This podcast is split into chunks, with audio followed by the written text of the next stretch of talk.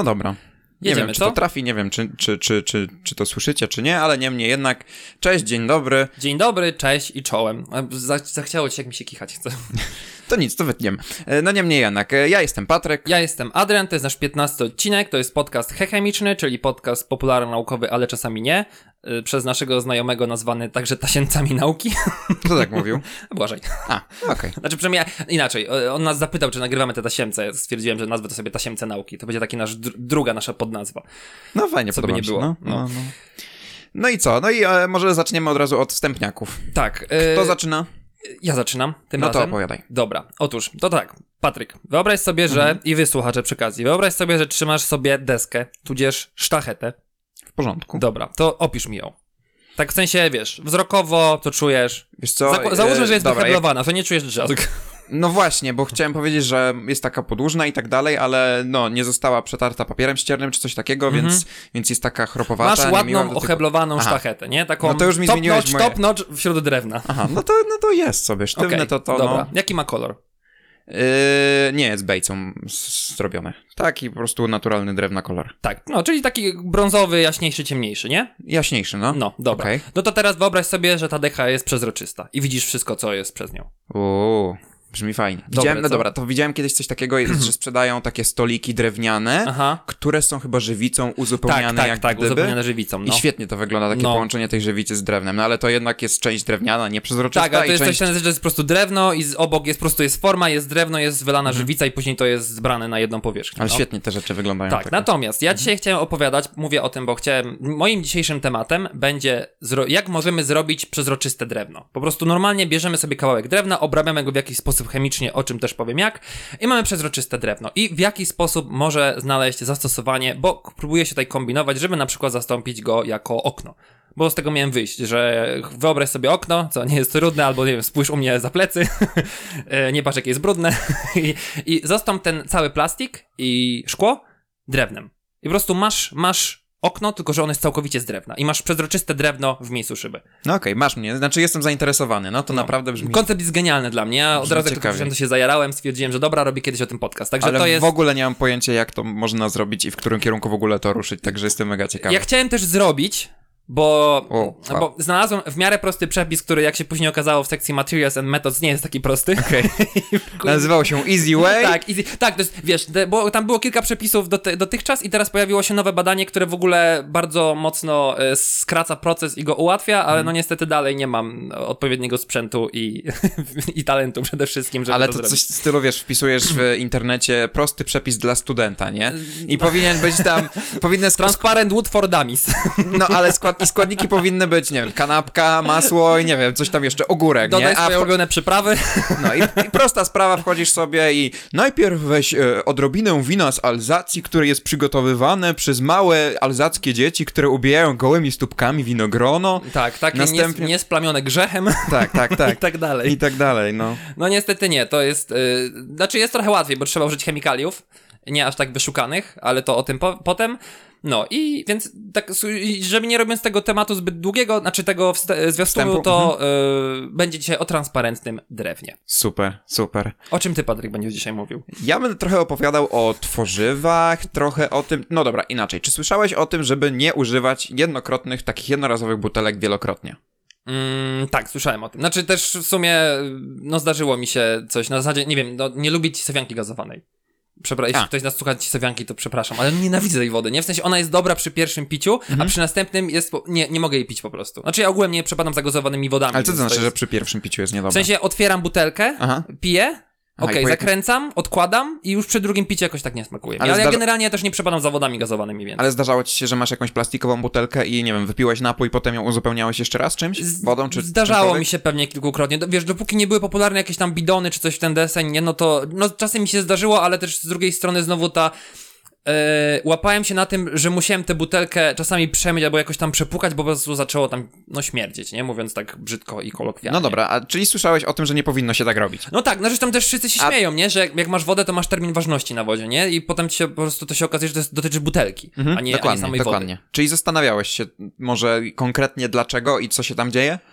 Yy, znaczy konkretnie i dlaczego to nie, gdzieś tam po prostu przeczytałem, że ten plastik się tam może rozkładać, wchodzić do wody, zresztą też prawdopodobnie jak nie normalny plastik, to ten słynny mikroplastik ostatnio, oczywiście negatywnie, Mhm, mhm. negatywnie słynny, ale jakoś tak nie wchodziłem w mechanizmy, co tam się dzieje, jak ta woda to tam robi z No plastikiem. dobra, to ja trochę w to wejdę dzisiaj, a Okej. poza tym to widzę, że masz jak zwykle ten swój e, zielony bidon na nagraniu, to ja proszę ciebie tutaj na nagraniu eksperyment na tobie będzie, proszę go podnieść Okej, a i zajrzeć na dno i co ty tam masz napisane.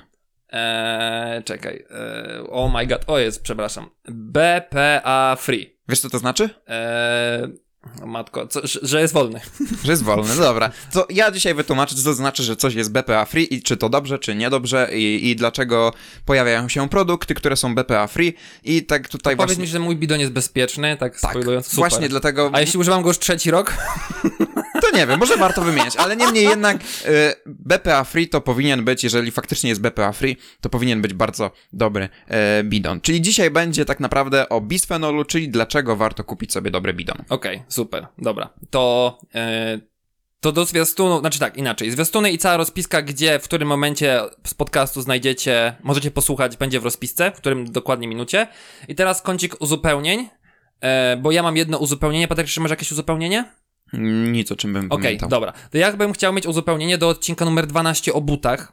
E, I nie jest to żadna, i nie jest to żadna uwaga, tudzież komentarz od jakiegoś naszego słuchacza. Jest to e, moja prywatna, moje prywatne, to właściwie dopełnienie tematu, bo Okej. okazało się, że 3 marca e, e, Under Armour wypuścił nowy model buta. Jakby tutaj wspominam o tym po to, że konstrukcja na mój gust jest dosyć rewolucyjna na cały ten taki przemysł, nazwijmy to obuwia biegowego i po prostu chciałem trochę opowiedzieć, bo też nie ma sensu o tym robić osobnego odcinka, bo trwałby 5 minut. Więc e, but nazywa się e, Under Armour Flow Velocity Wind. Ja sobie to pozwoliłem po polsku przetłumaczyć całą tą nazwę jako chyży potok wiatru pod pancerzem. w ogóle bawi mnie ostatnio Faktycznie, strasznie... Pod pancerzem, no. Bawi mnie strasznie ostatnio tłumaczenie, wiesz, angielskich słów na takie, w sensie, że wiesz, to zachowuje sens, ale brzmi kompletnie, kompletnie śmiesznie. I też z drugiej strony mam taką refleksję na zasadzie, czy, mm, no bo dla nas, nie zna, znaczy może nie tyle, że nie znających angielskiego, ale nie posługujących się angielskim natywnie od urodzenia, yy, takie nazwy typu, nie wiem, Under Armour brzmią całkiem w porządku, nie? Właśnie, Brzmią cool. tak, brzmią nawet cool, nie? Że są Flow Velocity Wine, tak bardzo profesjonalnie to brzmi. A właśnie jakby, jakby to było, gdyby na przykład faktycznie przyszła jakaś firma, albo gdyby taką praktyką było tłumaczenie, wiesz, nazw różnych tych, nazw różnych e, produktów. A masz jakiś taki typ śmieszny teraz? Kurczę, Ja mam jedną rzecz. to znaczy, no. Czekaj, mało miętcy. Microsoft. Tak, Microsoft, tak, Microsoft Surface, nie mikromiękka powierzchnia X. 10. No, no. I, I właśnie tak zastan- zastanawiam się, czy dla osób, które są native'ami, czy dla nich to jest, wiesz, na zasadzie coś takiego naturalnego, czy oni też się z tego śmieją? No bo kurde, no, no firma pod pancerzem, nie? coś takiego. I, I w sumie to byłoby bardzo śmieszne, jakby wychodzi nowy model buta, chyży potok wiatru, pod pancerzem. Premiera. No, ale wracając do buta, taka, bo to była Aha. moja luźna dygresja. Otóż to jest but, znowu, który Under Armour próbował zrobić przez 3 lata. E, robił go z Dow Chemicals. On teraz, on tak naprawdę pojawił się, przynajmniej ta technologia pojawiła się rok temu. Ona była tutaj wraz, wprowadzona wraz z koszykarzem, który nazywa się e, Steven Curry. E, tak, Steven, albo bardziej Stefan Curry. Po polsku to brzmi st- strasznie okropnie. Generalnie e, chodzi o to, że boot, to flow ma się odnosić do tej technologii, która jest zastosowana, czyli flow i to flow ma być mm, odnosić się do tego stanu, że możesz sobie, wiesz, biegać bez końca, w sensie tak jakby, wiesz, effortless, nie? Że bez wysiłku, po prostu biegniesz, biegniesz, bo chcesz biec, bo buty cię, można powiedzieć w cudzysłowie, zachęcają cię do dalszego biegu i zresztą spotkałem się też w recenzjach, jak sobie tam gdzieś czytałem, że faktycznie tak jest, że ludzie po prostu chcieli biec trochę szybciej, chcieli biec trochę dalej, Mm, a to, co wyróżnia ten koncept, jest w jakiś sposób rewolucyjny, jest to, że usunięto zewnętrzną gumową podeszwę. Bo w tym momencie, ja tutaj przypomnę tak na szybko, konstrukcję buta, macie cholewkę, czyli to, co trzyma waszą stopę, potem macie podeszwę środkową, czyli to, co was amortyzuje i później jest podeszwa zewnętrzna, czyli ta warstwa zwykle to jest guma węglowa albo jakiś, jakaś jej odmiana, która sprawia, że nasz but jest przyczepiony do podłoża. I on się po prostu tam stabilnie trzyma i nieważne od tego, czy to jest, nie wiem, kamień, żwir, czy jest y, mokro, czy czy sucho i tak dalej, i tak dalej. No i właśnie Under Armour stwierdził, że pozby- próbują się pozbyć i udało im się, tylko że no oczywiście no pozbycie się tego jest całkiem łatwe, ale trzeba to jakoś zastąpić. I udało im się stworzyć piankę. Niestety nie wiem co to jest. Wydaje mi się, że to może być Pebax, który mówiłem e, w tym w 12 odcinku. Serdecznie zachęcam do tego, żeby sobie posłuchać. E, chociaż to odcinek dosyć sroga kobyła jest. I mm, udało im się stworzyć taką piankę, która jednocześnie zapewnia dobrą amortyzację i na tej końcówce bardzo dobrze zastępuje tą gumę węglową. To znaczy, zarówno jest twarda, daje nam dobrą przyczepność właśnie na różnych typach powierzchni, no i wydaje mi się też, że z racji tego, że mamy pełną strukturę i nie musimy się bać o to, że wiesz, jest tam gdzieś to łączenie gumy z tą pianką, to nam po pierwsze tak strukturalnie, wewnętrznie sprawia, że ona się trzyma w ryzach, możemy trochę lepiej sterować tą strukturą i też przy okazji daje nam to lepsze poczucie podłoża, bo takie opinie też spotkałem. No i przede wszystkim mm, to, co jest najważniejsze w tej konstrukcji, to to, że ta guma węglowa jest też jednocześnie najcięższym elementem tego buta. I w tym momencie udało nam się tak naprawdę zredukować masę buta od 50 do około 80 gramów w zależności od rozmiaru co jest no ogromną mm, liczbą, bo tak naprawdę buty potrafią ważyć no, około 300-400 gram, tak mi się wydaje, w zależności od tego, wiesz, jaką masz piankę, jaki no, jest tam but zrobiony i tym mhm. podobne, więc to jest, to jest dosyć duża redukcja wagi. I jeszcze przy okazji tam dodali takie taśmy yy, w cholewce, żeby ten but, no oni to nazywają pasami bezpieczeństwa, dla, dla jakiegoś prostszego skojarzenia, żeby to się lepiej trzymało tę stopę. I ogółem, no to tak, z opinii wynika, że no, biega się dobrze, w sensie jest po prostu lżej, można biec trochę dalej, but się generalnie sprawdza i też y, tutaj przytoczę opinię właśnie pana, e, pana Kary, tego koszykarza, mm, że jak je założył, y, gdzieś tam pierwsze testowe wersje tego buta, to stwierdził, że ej, ale dawać mi to od razu, nie? No, proszę mi stworzyć normalne buty i generalnie gość mówi, że e, czuł się jak ninja w tych butach. I bo... wcale mu za to nie zapłacili. E, I wcale mu za, i wcale mu za to nie zapłacili. Bo okazuje się, że no, guma na parkiecie normalnie ma tendencję do piszczenia, a w tym momencie ta pianka ponoć nie piszczała. Aha. Więc to też jest taka całkiem, całkiem fajna koncepcja. I ja, no, jak zwykle, oczywiście jestem trochę zajarany. Bardzo mi się podoba ten koncept. No, oczywiście go sobie nie kupię, bo raz kosztuje 700, a dwa, e, no po prostu mi to niepotrzebne. Ale tak na zasadzie, wiesz, spróbować sobie porównać gdzieś, to, to dlaczego nie. I ale stwierdziłem, że jest to na tyle rewolucyjne, no bo to jest tak naprawdę pierwsza tego typu konstrukcja, przynajmniej dla mnie spotkana i wyznaczająca jakiś nowy trend, że stwierdziłem, że chcę o tym trochę opowiedzieć w uzupełnieniu do odcinka. No może coś więcej zacznie się pojawiać takich modeli, nie tylko od, y, od podzbrojów. Ja myślę tak, pod, ja myślę, że wiesz, po prostu zaraz zaczną wszyscy tam gdzieś kręcić w tę stronę. Chyba, że okazuje się, że wszyscy to robią, tylko Under Armour po prostu zrobił to pierwsze, nie? Na tej zasadzie, they did it, they fucking did it. cały świat, cały świat się właśnie łapie za głowę. Yy, I tyle z moich uzupełnień, chyba, że masz jakiś komentarz do tego. No nie. No, Ewentualny? No, chyba nie, nie. Dobra, okej. Okay. No to przechodzimy do drewna. Mm, no i teraz tak, Patryk, no tutaj pytałem ciebie, jaki kolor ma drewno. Drewno ma kolor brązowy. I teraz pytanie brzmi, z czego to wynika. I teraz tak naprawdę pierwsze to to w ogóle chciałbym zacząć od tego, jak drewno jest zbudowane. I teraz pierwsze skojarzenie, Patryk, z drewnem twoim, jeśli chodzi o jego budowę jakąś. Celuloza. Tak, dobrze. E, a tak z takich, wiesz, na zasadzie, mm, albo inaczej, trochę ci, trochę ci naprowadzę. Dobra, mam, masz drzewo, mhm. tniesz je, nie? Albo wycinasz jakiś tam pień. No to są słoje, a te słoje Dokładnie. to tak naprawdę, jeżeli spojrzymy tak w takim bardziej pionowym ujęciu, no to to są takie pasma, które tworzą, no inaczej, drewno jest takimi pasmami stworzone, nie? Połączonymi takimi Dokładnie, drewno ma hierarchiczną strukturę mhm. i jest, i właśnie mm, chodzi o to, że mamy ono składa się z trzech głównych y, surowców, znaczy związków. Jedno to jest celuloza, drugie to jest chemiceluloza, a trzecia jest lignina, z takich głównych składników. I właśnie te słoje są wynikiem tego, że te celuloza łączy się we włókna, te włókna tworzą ścianę komórkową i te ściany tworzą nam takie, można powiedzieć, no nazwijmy to tak bardzo prosto, rur, rureczki. Mhm. Czy tam rurki, bo rureczki brzmi... To bardzo tak. lubiłem tę te, te część na biologii w liceum. To, tak. Bo miałem, nie wiem, ty nie miałeś chyba rozszerzonej biologii w liceum, czy miałeś? Miałem. A, no ale tam, nie pamiętam jak Okej, okay, to tam bardzo. był taki fragment, że drewno łyko i drewno odpowiada o, za tak, tak transport tak, tak, w górę mhm. albo w dół, już nie pamiętam, które było mhm. które, no ale i jedno było, i tam były różnice w budowie drewna i łyka, no i tak naprawdę chodzi o to, że są jakieś takie rureczki gdzieś tam w całej konstrukcji drewna i, i one służą do transportu z jednej strony wody, a z drugiej strony jakichś takich substancji mineralnych, na przykład pochodzących gdzieś tam z ziemi, z korzeni, nie? Dokładnie i właśnie mamy te, mamy te rurki, które są puste w środku i one odpowiadają za ten transport. I one są ułożone właśnie równolegle wzdłuż pnia drzewa i właśnie ich przyrost roczny gdzieś tam determinuje to, jak duży przyrost jest tych słojów przy okazji. I dlatego mówi się, że to jest struktura hierarchiczna, hierarchiczna i taka półuporządkowana. W sensie mamy te rurki, mamy te słoje, ale one są trochę nieregularnych kształtów. I to jest jedna z, jedna z tych takich podstawowych cech, która będzie wpływała na tą transparentność, dlatego też o tym mówię. Natomiast sam ten kolor wynika z tego, że mamy ligninę. I jakby lignina odpowiada za główny proces, ponieważ lignina, za, lignina, która jest niczym innym jak pochodnymi alkoholi fenolowych, jest takim polimerem i ona raz zapewnia sztywność tej ścianie komórkowej, nawet jeśli nie mamy tutaj e, wody w środku, które same sprawiają, że no przy, przez przepływ, że te ściany komórkowe trzymają się w, w ryzach, że są po prostu twarde e, i ona zawiera chromofory. Jeśli ktoś nie słuchał, jeśli ktoś słuchał ostatni odcinek o tym, dlaczego kameleony zmieniają barwę, to też już mógł się spotkać z, chromofora, z chromoforami, a, to, a chromofory to są takie cząsteczki, które absorbują światło i w wyniku tego nadają jakąś barwę. Można powiedzieć, że są takimi komórkami barwnikowymi.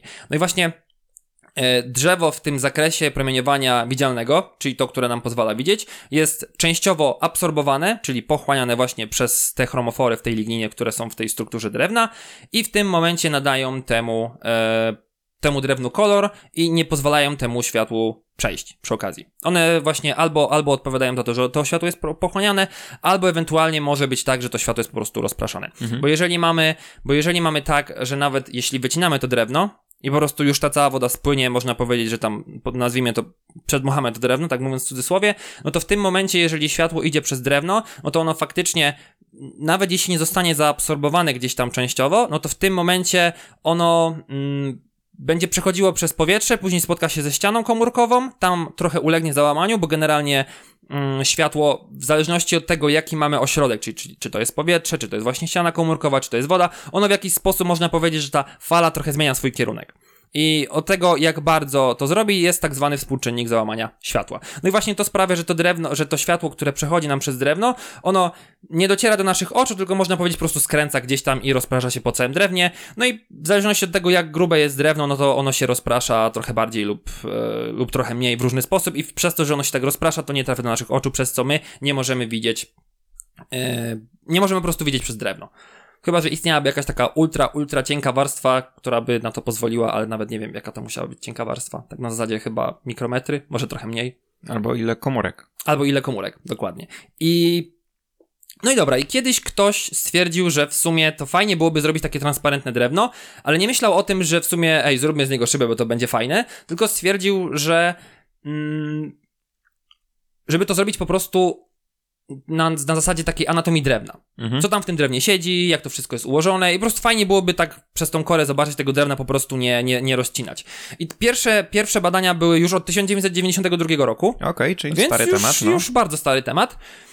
I właśnie chcieli, chcieli to po pierwsze zobaczyć tą anatomię drewna, czyli jak ono jest w środku, natomiast drugie chcieli zrobić badania mechaniczne, czyli na przykład, nie wiem, łamiemy drewno, no po prostu z racji tego, że ono jest transparentne, to możemy zobaczyć, co tam się dzieje w tej strukturze i też po prostu zobaczyć to, jak się tam światło rozchodzi, odbija i tak naprawdę wyjściem były te badania podstawowe. Mhm. I Udało im się uzyskać informacje, zobaczyć, że to rozpraszanie światła, że to, że drewno nie jest transparentne, jest odpowiedzialne właśnie za tę ligninę i za te chromofory, więc stwierdzono, że w sumie możemy spróbować pozbyć się tej ligniny. No bo skoro nie ma ligniny, no to nie ma chromoforów, nie ma co tego światła absorbować, no to w tym momencie done deal, prosta sprawa, będziemy mieli trans- przezroczyste drewno.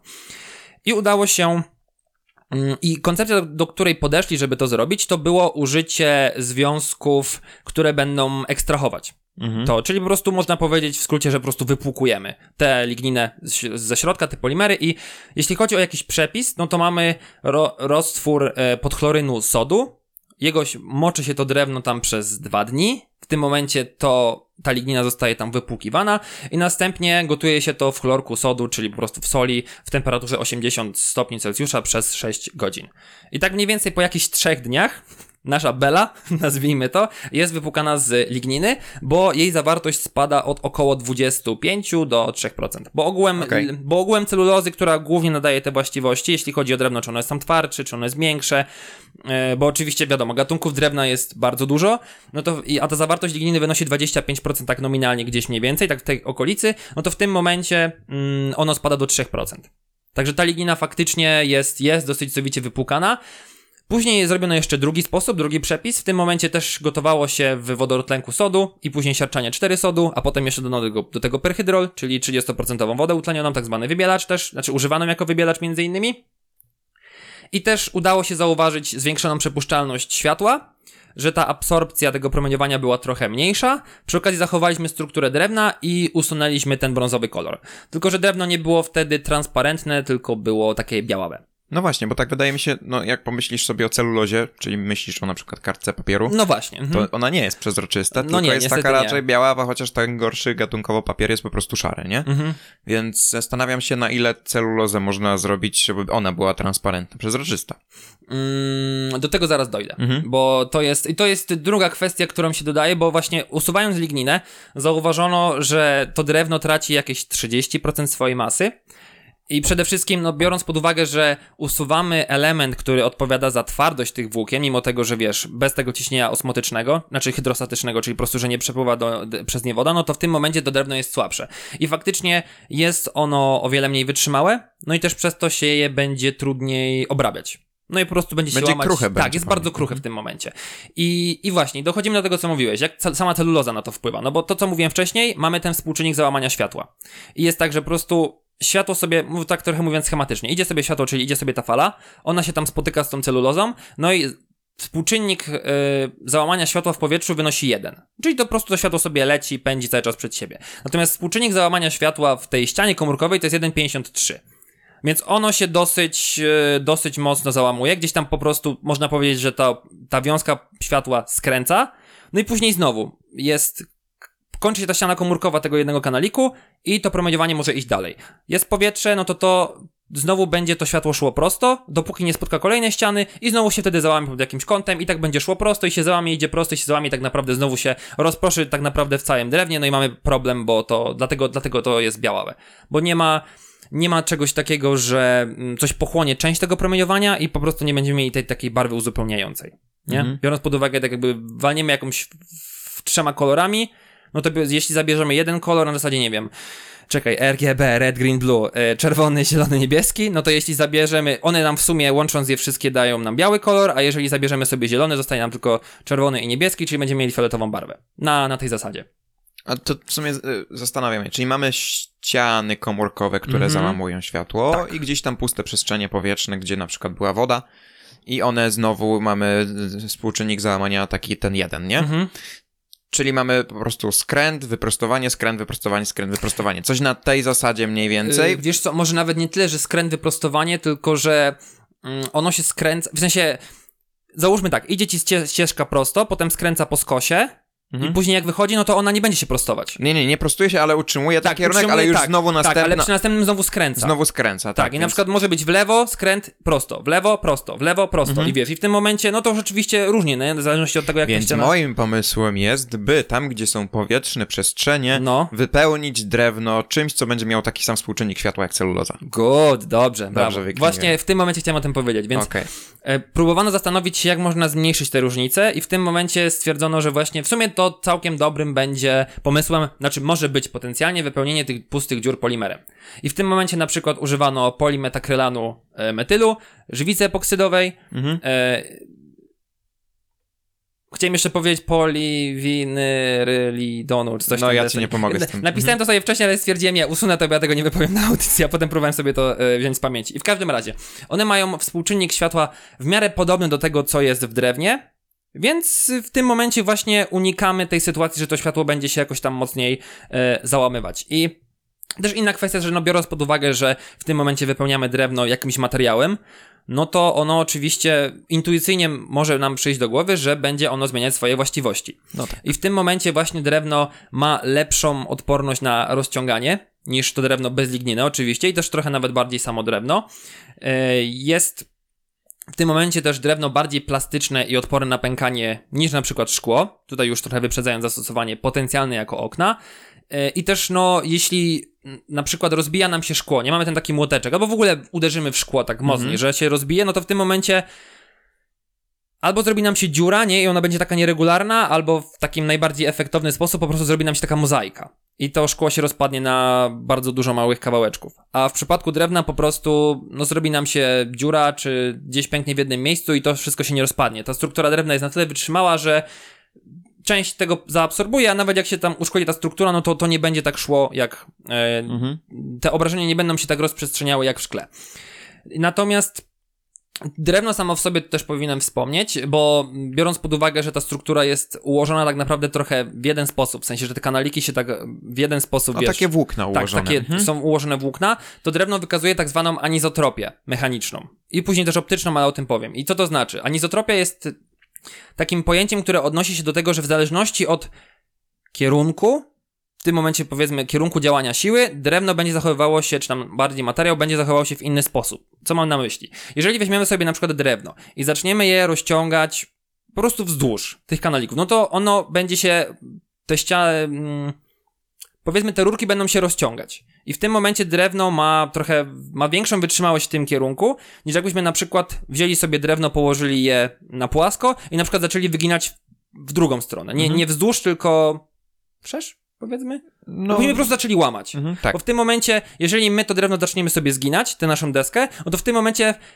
w którymś, w pewnym momencie, w którymś momencie, w którymś momencie my y, w końcu te naczynka pękną, po prostu, bo one nie będą rozciągane, tylko będą łamane. Mhm. Więc w tym momencie drewno samo w sobie wyka- wykazuje trochę inną odporność na rozciąganie i na zginanie. Z różną siłą. No bo jest to, wydaje mi się, w miarę intuicyjnie. Nie tak jak będziemy po prostu rozciągać słomkę albo ją łamać, no to w tym momencie ona, będziemy musieli użyć trochę mniej siły, żeby ją złamać, niż żeby ją na przykład tak rozciągnąć, żeby ona pękła. Mhm. W ten desek. Jasne.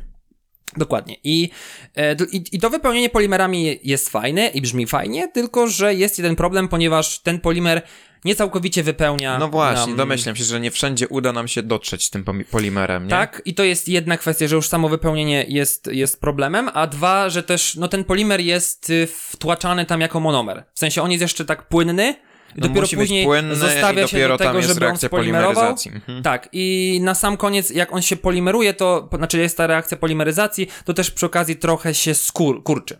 I to też potęguje nam ten efekt tego, że, że nie idealnie tam przylega do tych ścian, że to nie, wypełnienie jest idealne i w tym momencie też właśnie światło w pewnym momencie napotyka na ten problem, że jest jakaś mała pusta przestrzeń i to światło e, dalej się trochę bardziej załamuje. Próbuje się to, próbuje się temu zapobiec przez stosowanie acelowania. Mm, to jest pod, podstawianie grup acelowych w miejscu wodoru, a grupa acelowa, jakby tak można było rozpisać, to masz, masz tak, masz atom węgla, od niego wychodzi tlen z podwójnym wiązaniem, czyli grupa karbonylowa, gdzieś tam jest sobie łańcuch ten yy, alkilowy, alkilowy, tak? Alkilowy, tak, mhm. uf. No i te, takie kawałki są przyczepiane właśnie zamiast wodoru. Yy, mam tutaj strukturę, mogę ci pokazać zdjęcie, bo Nie, nie, wszystko w porządku. bo sobie specjalnie to pisałem tak na wszelki wypadek, żeby, żeby mi znowu te poliamidy nie wyszły tak jak ostatnio przy butach do biegania. Mm, I okazało się, że właśnie to dodatkowe acelowanie przed tym procesem sprawia, że ten polimer trochę lepiej przylega i trochę lepiej wypełnia to drewno. I w ten sposób, tymi przepisami, na drodze tam badań przez te kilka, kilkanaście lat, udało się osiągnąć 80% transmitancji przy jednym milimetrze grubości. Czyli, Czyli mamy deska bardzo- o milimetrze grubości przepuszcza 80% światła. Tak. Czyli jest transparentna, widać coś przez nią. Nie jest taka mętna. Tak, jest taka mętna, trochę zamglona, bo też zamglenie jest takim drugim pojęciem, które się mm, spotyka. Natomiast przy acelowaniu udało się uzyskać 60% transparentności przy jednym centymetrze. Okej. To już jest, to już jest duży postęp. To No. już jest 10, dziesięciokrotnie grubsza deska. E, I nie wiem, nie wiem, jaką grubość ma szkło e, na przykład w oknach, Mhm. ale wydaje mi się, że tak chyba trochę mniej niż, nie- mniej niż centymetr, więc tu już rodzi nam całkiem, całkiem ten duży potencjał. Tak, przy czym są dwie warstwy zazwyczaj, zazwyczaj Tak, nie? tak, to też ma swoje uzasadnienie, ale o tym też później. I no i właśnie, no i teraz mm, spróbowano wejść trochę głębiej, czyli po prostu puszczamy to promieniowanie do tego drewna i co tam się z tym promieniowaniem dzieje. W jaki sposób to się sprawia, że ono, bo to co mówiłem wcześniej, ono się załamuje, skręca, prostuje i tak dalej, e, co jest związane oczywiście z tą strukturą drewna, co się tam dzieje, jak my tam wprowadzamy polimer, e, jak on się tam blokuje, czy na przykład, bo też okazuje się, że do tego polimeru można dodać jeszcze jakieś dodatki, na przykład cząsteczki, które wykazują luminescencję i w tym i w tym momencie możemy e, mieć świecące drewno w ogóle pod wpływem tam promieniowania UV. Świecące na przykład. przezroczyste drewno. Tak, świecące przezroczyste drewno. Why not, nie? Sky is the limit. I okej, no i właśnie w tym momencie, jeżeli samo promieniowanie spotyka się nam z drewnem, no to ja mówiłem wcześniej, że ono sobie wchodzi, yy, wchodzi sobie w głąb i to już jest częściowo nieprawda, bo część tego drewna już zdąży się jeszcze odbić. Później część tego drewna na samym początku jest oczywiście absorbowana jeszcze w jakiś sposób, no bo to jest energia. Jeżeli trafią nam się jakieś molekuły, które akurat mają, ich energia wiązań gdzieś tam wpisuje się idealnie w energię, Energię tego wiązania, które tam idzie, to ono zostanie po prostu pochłonięte.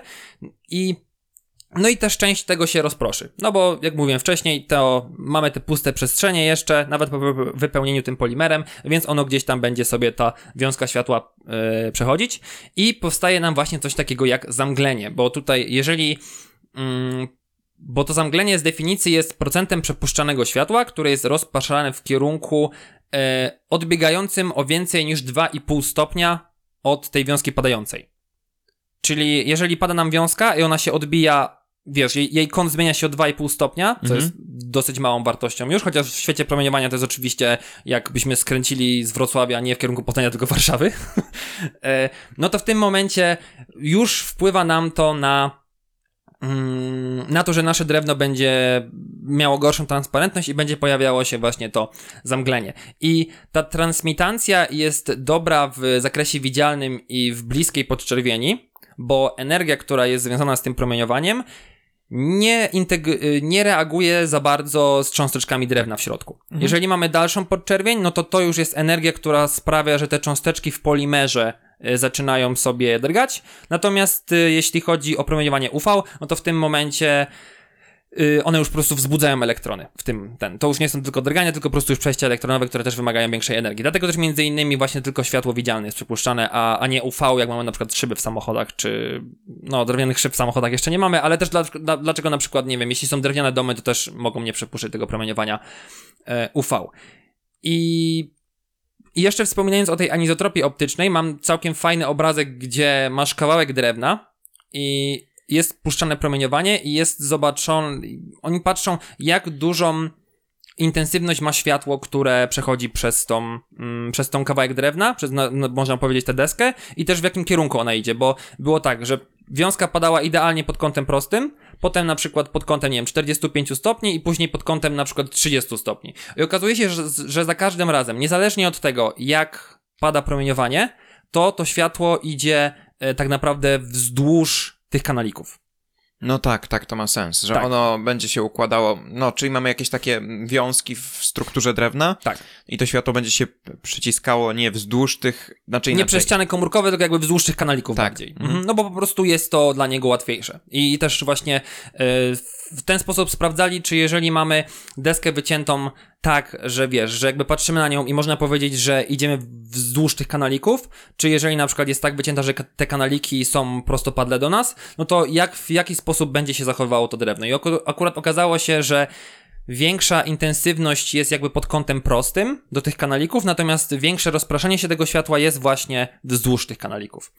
E, I też dlatego właśnie, jeżeli chciano by testować, znaczy wtedy dowiedziono, że ta e, bardziej transparentne drewno będzie, jeżeli będziemy układać, wiesz, te kanaliki w naszą stronę, Mhm. żeby to światło miało się jak łatwiej e, rozpro, rozpropagowywać. No i to ma sens, bo jak gdyby, gdy mamy kanalik, no to to cały kanalik, wnętrze kanalika jest uzupełniony tym epoksydem, czy tą Mhm. żywicą, no i wtedy nie mamy co chwilę przejścia między celuloza, żywica, celuloza, żywica, tylko cały czas idziemy wzdłuż... Tak, i to światło nie będzie się tak naprawdę Mhm. miało jak e, ewentualnie prze, no skręcać po prostu, Mhm. już tak mówiąc, mówiąc trochę kolokwialnie.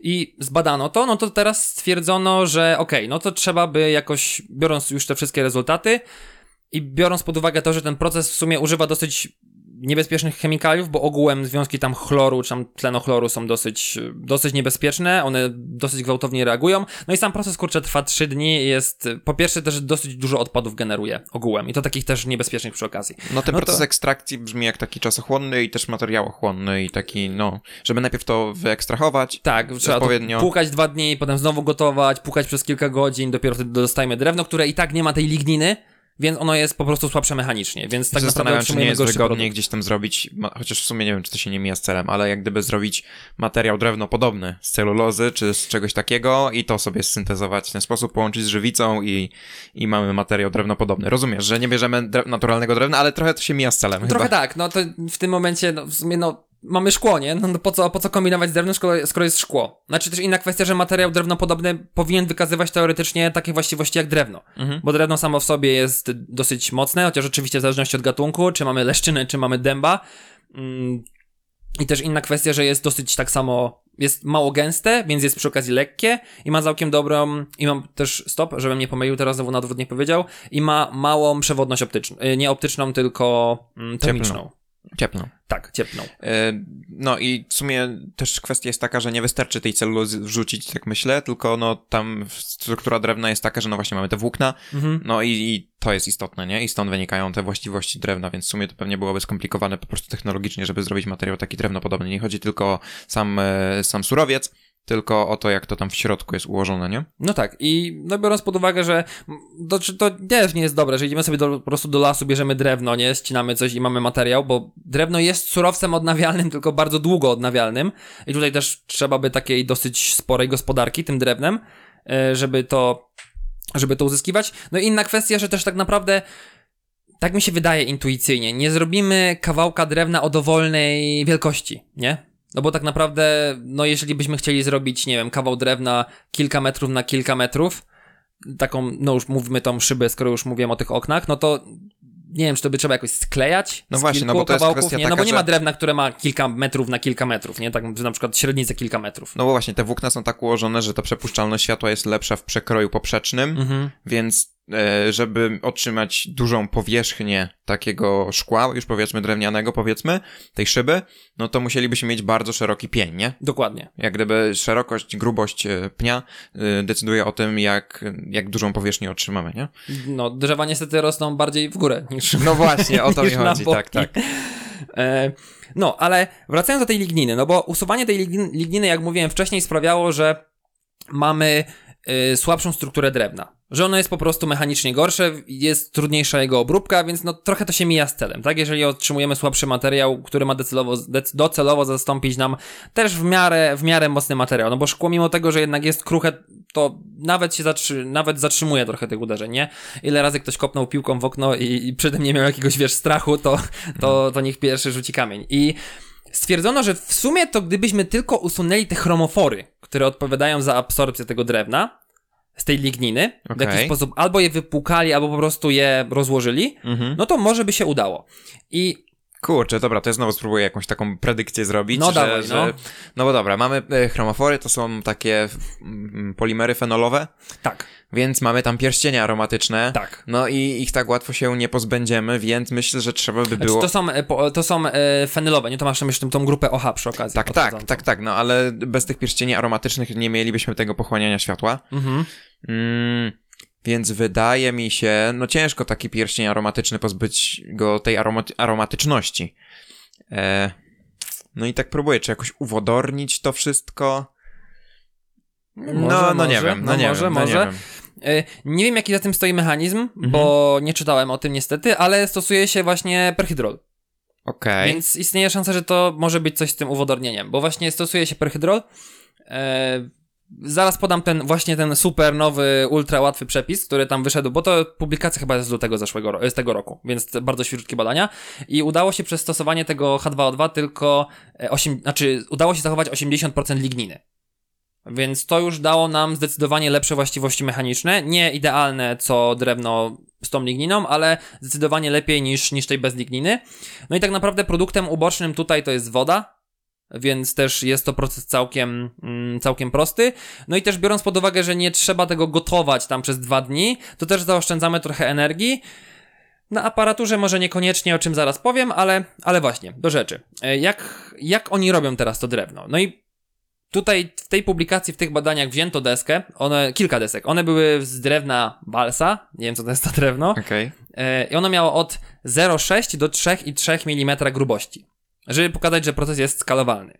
I teraz bierzesz taką sztachetę, ja bardzo lubię to słowo, mm, smarujesz go pędzelkiem małą ilością NaOH, czyli wodorotlenku sodu, takiego na zasadzie 10%, żeby też nie był za mocny, bo on sprawia, że ten e, perhydrol będzie wtedy skuteczniej działał.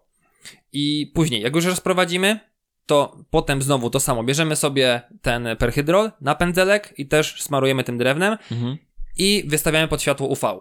to może być nawet y, naturalne słońce. W sensie po prostu bierzemy sobie tę dechę, malujemy ją z jednej strony, malujemy ją z drugiej strony. Oni tam mówili chyba, że 30 ml tego perhydrolu wystarczy. Oczywiście w zależności od tego, jak tam duża jest deska, bo robili deski, które są, miały właśnie różną grubość. Tak naprawdę udało im się nawet jednometrową y, deskę w ten sposób utworzyć, taką przezroczystą. W sensie grubości metra? Y, z y, długości. Długości. Taka, no, oni zaczęli od całkiem małych, bo tam desek na zasadzie 10 cm długości, Mhm. a potem zrobili taką właśnie metrową dechę nawet, więc też całkiem, No całkiem tutaj fajnie. chyba długość nie jest, nie jest Nie, problemem. no tutaj ta grubość, nie? Bo ona, ona jakby najbardziej Ona determinuje. To Mhm. raz, jak te kanaliki są ułożone, w sensie czy wzdłuż, czy wszerz tego drewna, a druga kwestia jest to, no też jak grube to będzie ta warstwa, nie? Bo jednak to światło, jak jest grubsze, no to ono też będzie miało większą tendencję do tego, żeby się tam rozpraszać.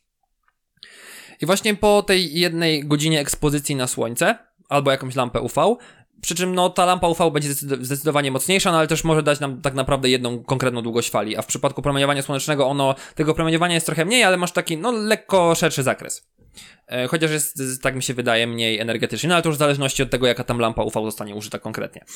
I udało się zachować właśnie 80% tej ligniny, przez co to drewno ma swoje w miarę dobre właściwości e, mechaniczne, a absorpcja jest zmniejszona tak naprawdę do no praktycznie do zera, tam 4% tej absorpcji. Więc Wow. w ogóle tego, w ogóle te chromofory widać zostały unicestwione albo gdzieś tam wypłukane. Wydaje mi się, że raczej zostały rozłożone, albo w jakiś sposób stworzyły się takie pochodne, które po prostu nie absorbują tego światła No w tak, jakiś sposób. tak. Ale mówię tutaj w mechanizmy się nie e, za bardzo nie wgłębiałem, bo też nie jestem jakimś tam za bardzo dobry w chemii organicznej, nie chcę tutaj y, gadać głupot. I no i właśnie Ale tutaj... to w sumie tak się zastanawia, no bo y, jak wysuszymy to drewno, no to znowu pozbędziemy się ze wszelkich przestrzeni y, wody, więc znowu pojawią nam się puste przestrzenie.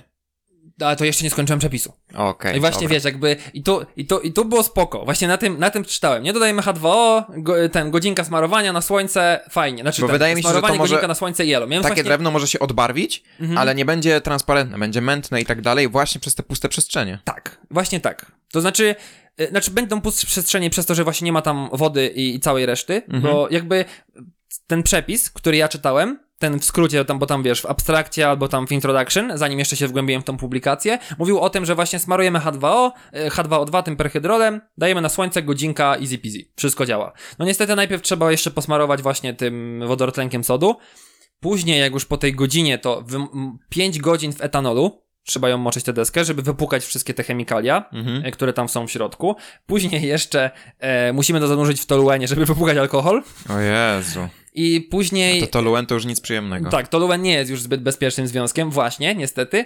I tylko, że ty wiesz, to jest czysty, tol, znaczy czysty toluen. No tak naprawdę to będzie mieszanka toluenu i alkoholu, nie? Mhm. Więc tam się nic nie stworzy, nic się nie wypłuka, tak naprawdę, więc można sobie to na spokojnie raczej rozdzielić. I później, I później jest ten proces, yy, o którym właśnie mówiłeś, że trzeba to jeszcze wypełnić czymś, żeby nie było tych pustych przes- przestrzeni. I to się próżniowo wypełnia polimerem przez półtorej godziny. Hmm. No i to jest między innymi ten proces, raczej raz, nie miałem toluenu, a dwa, nie mam próżniowej aparatury, żeby to wypełnić. I w tym No przypadku właśnie, jakim polimerem? Żywicą epoksydową, bo ona Okej. jest przezroczysta.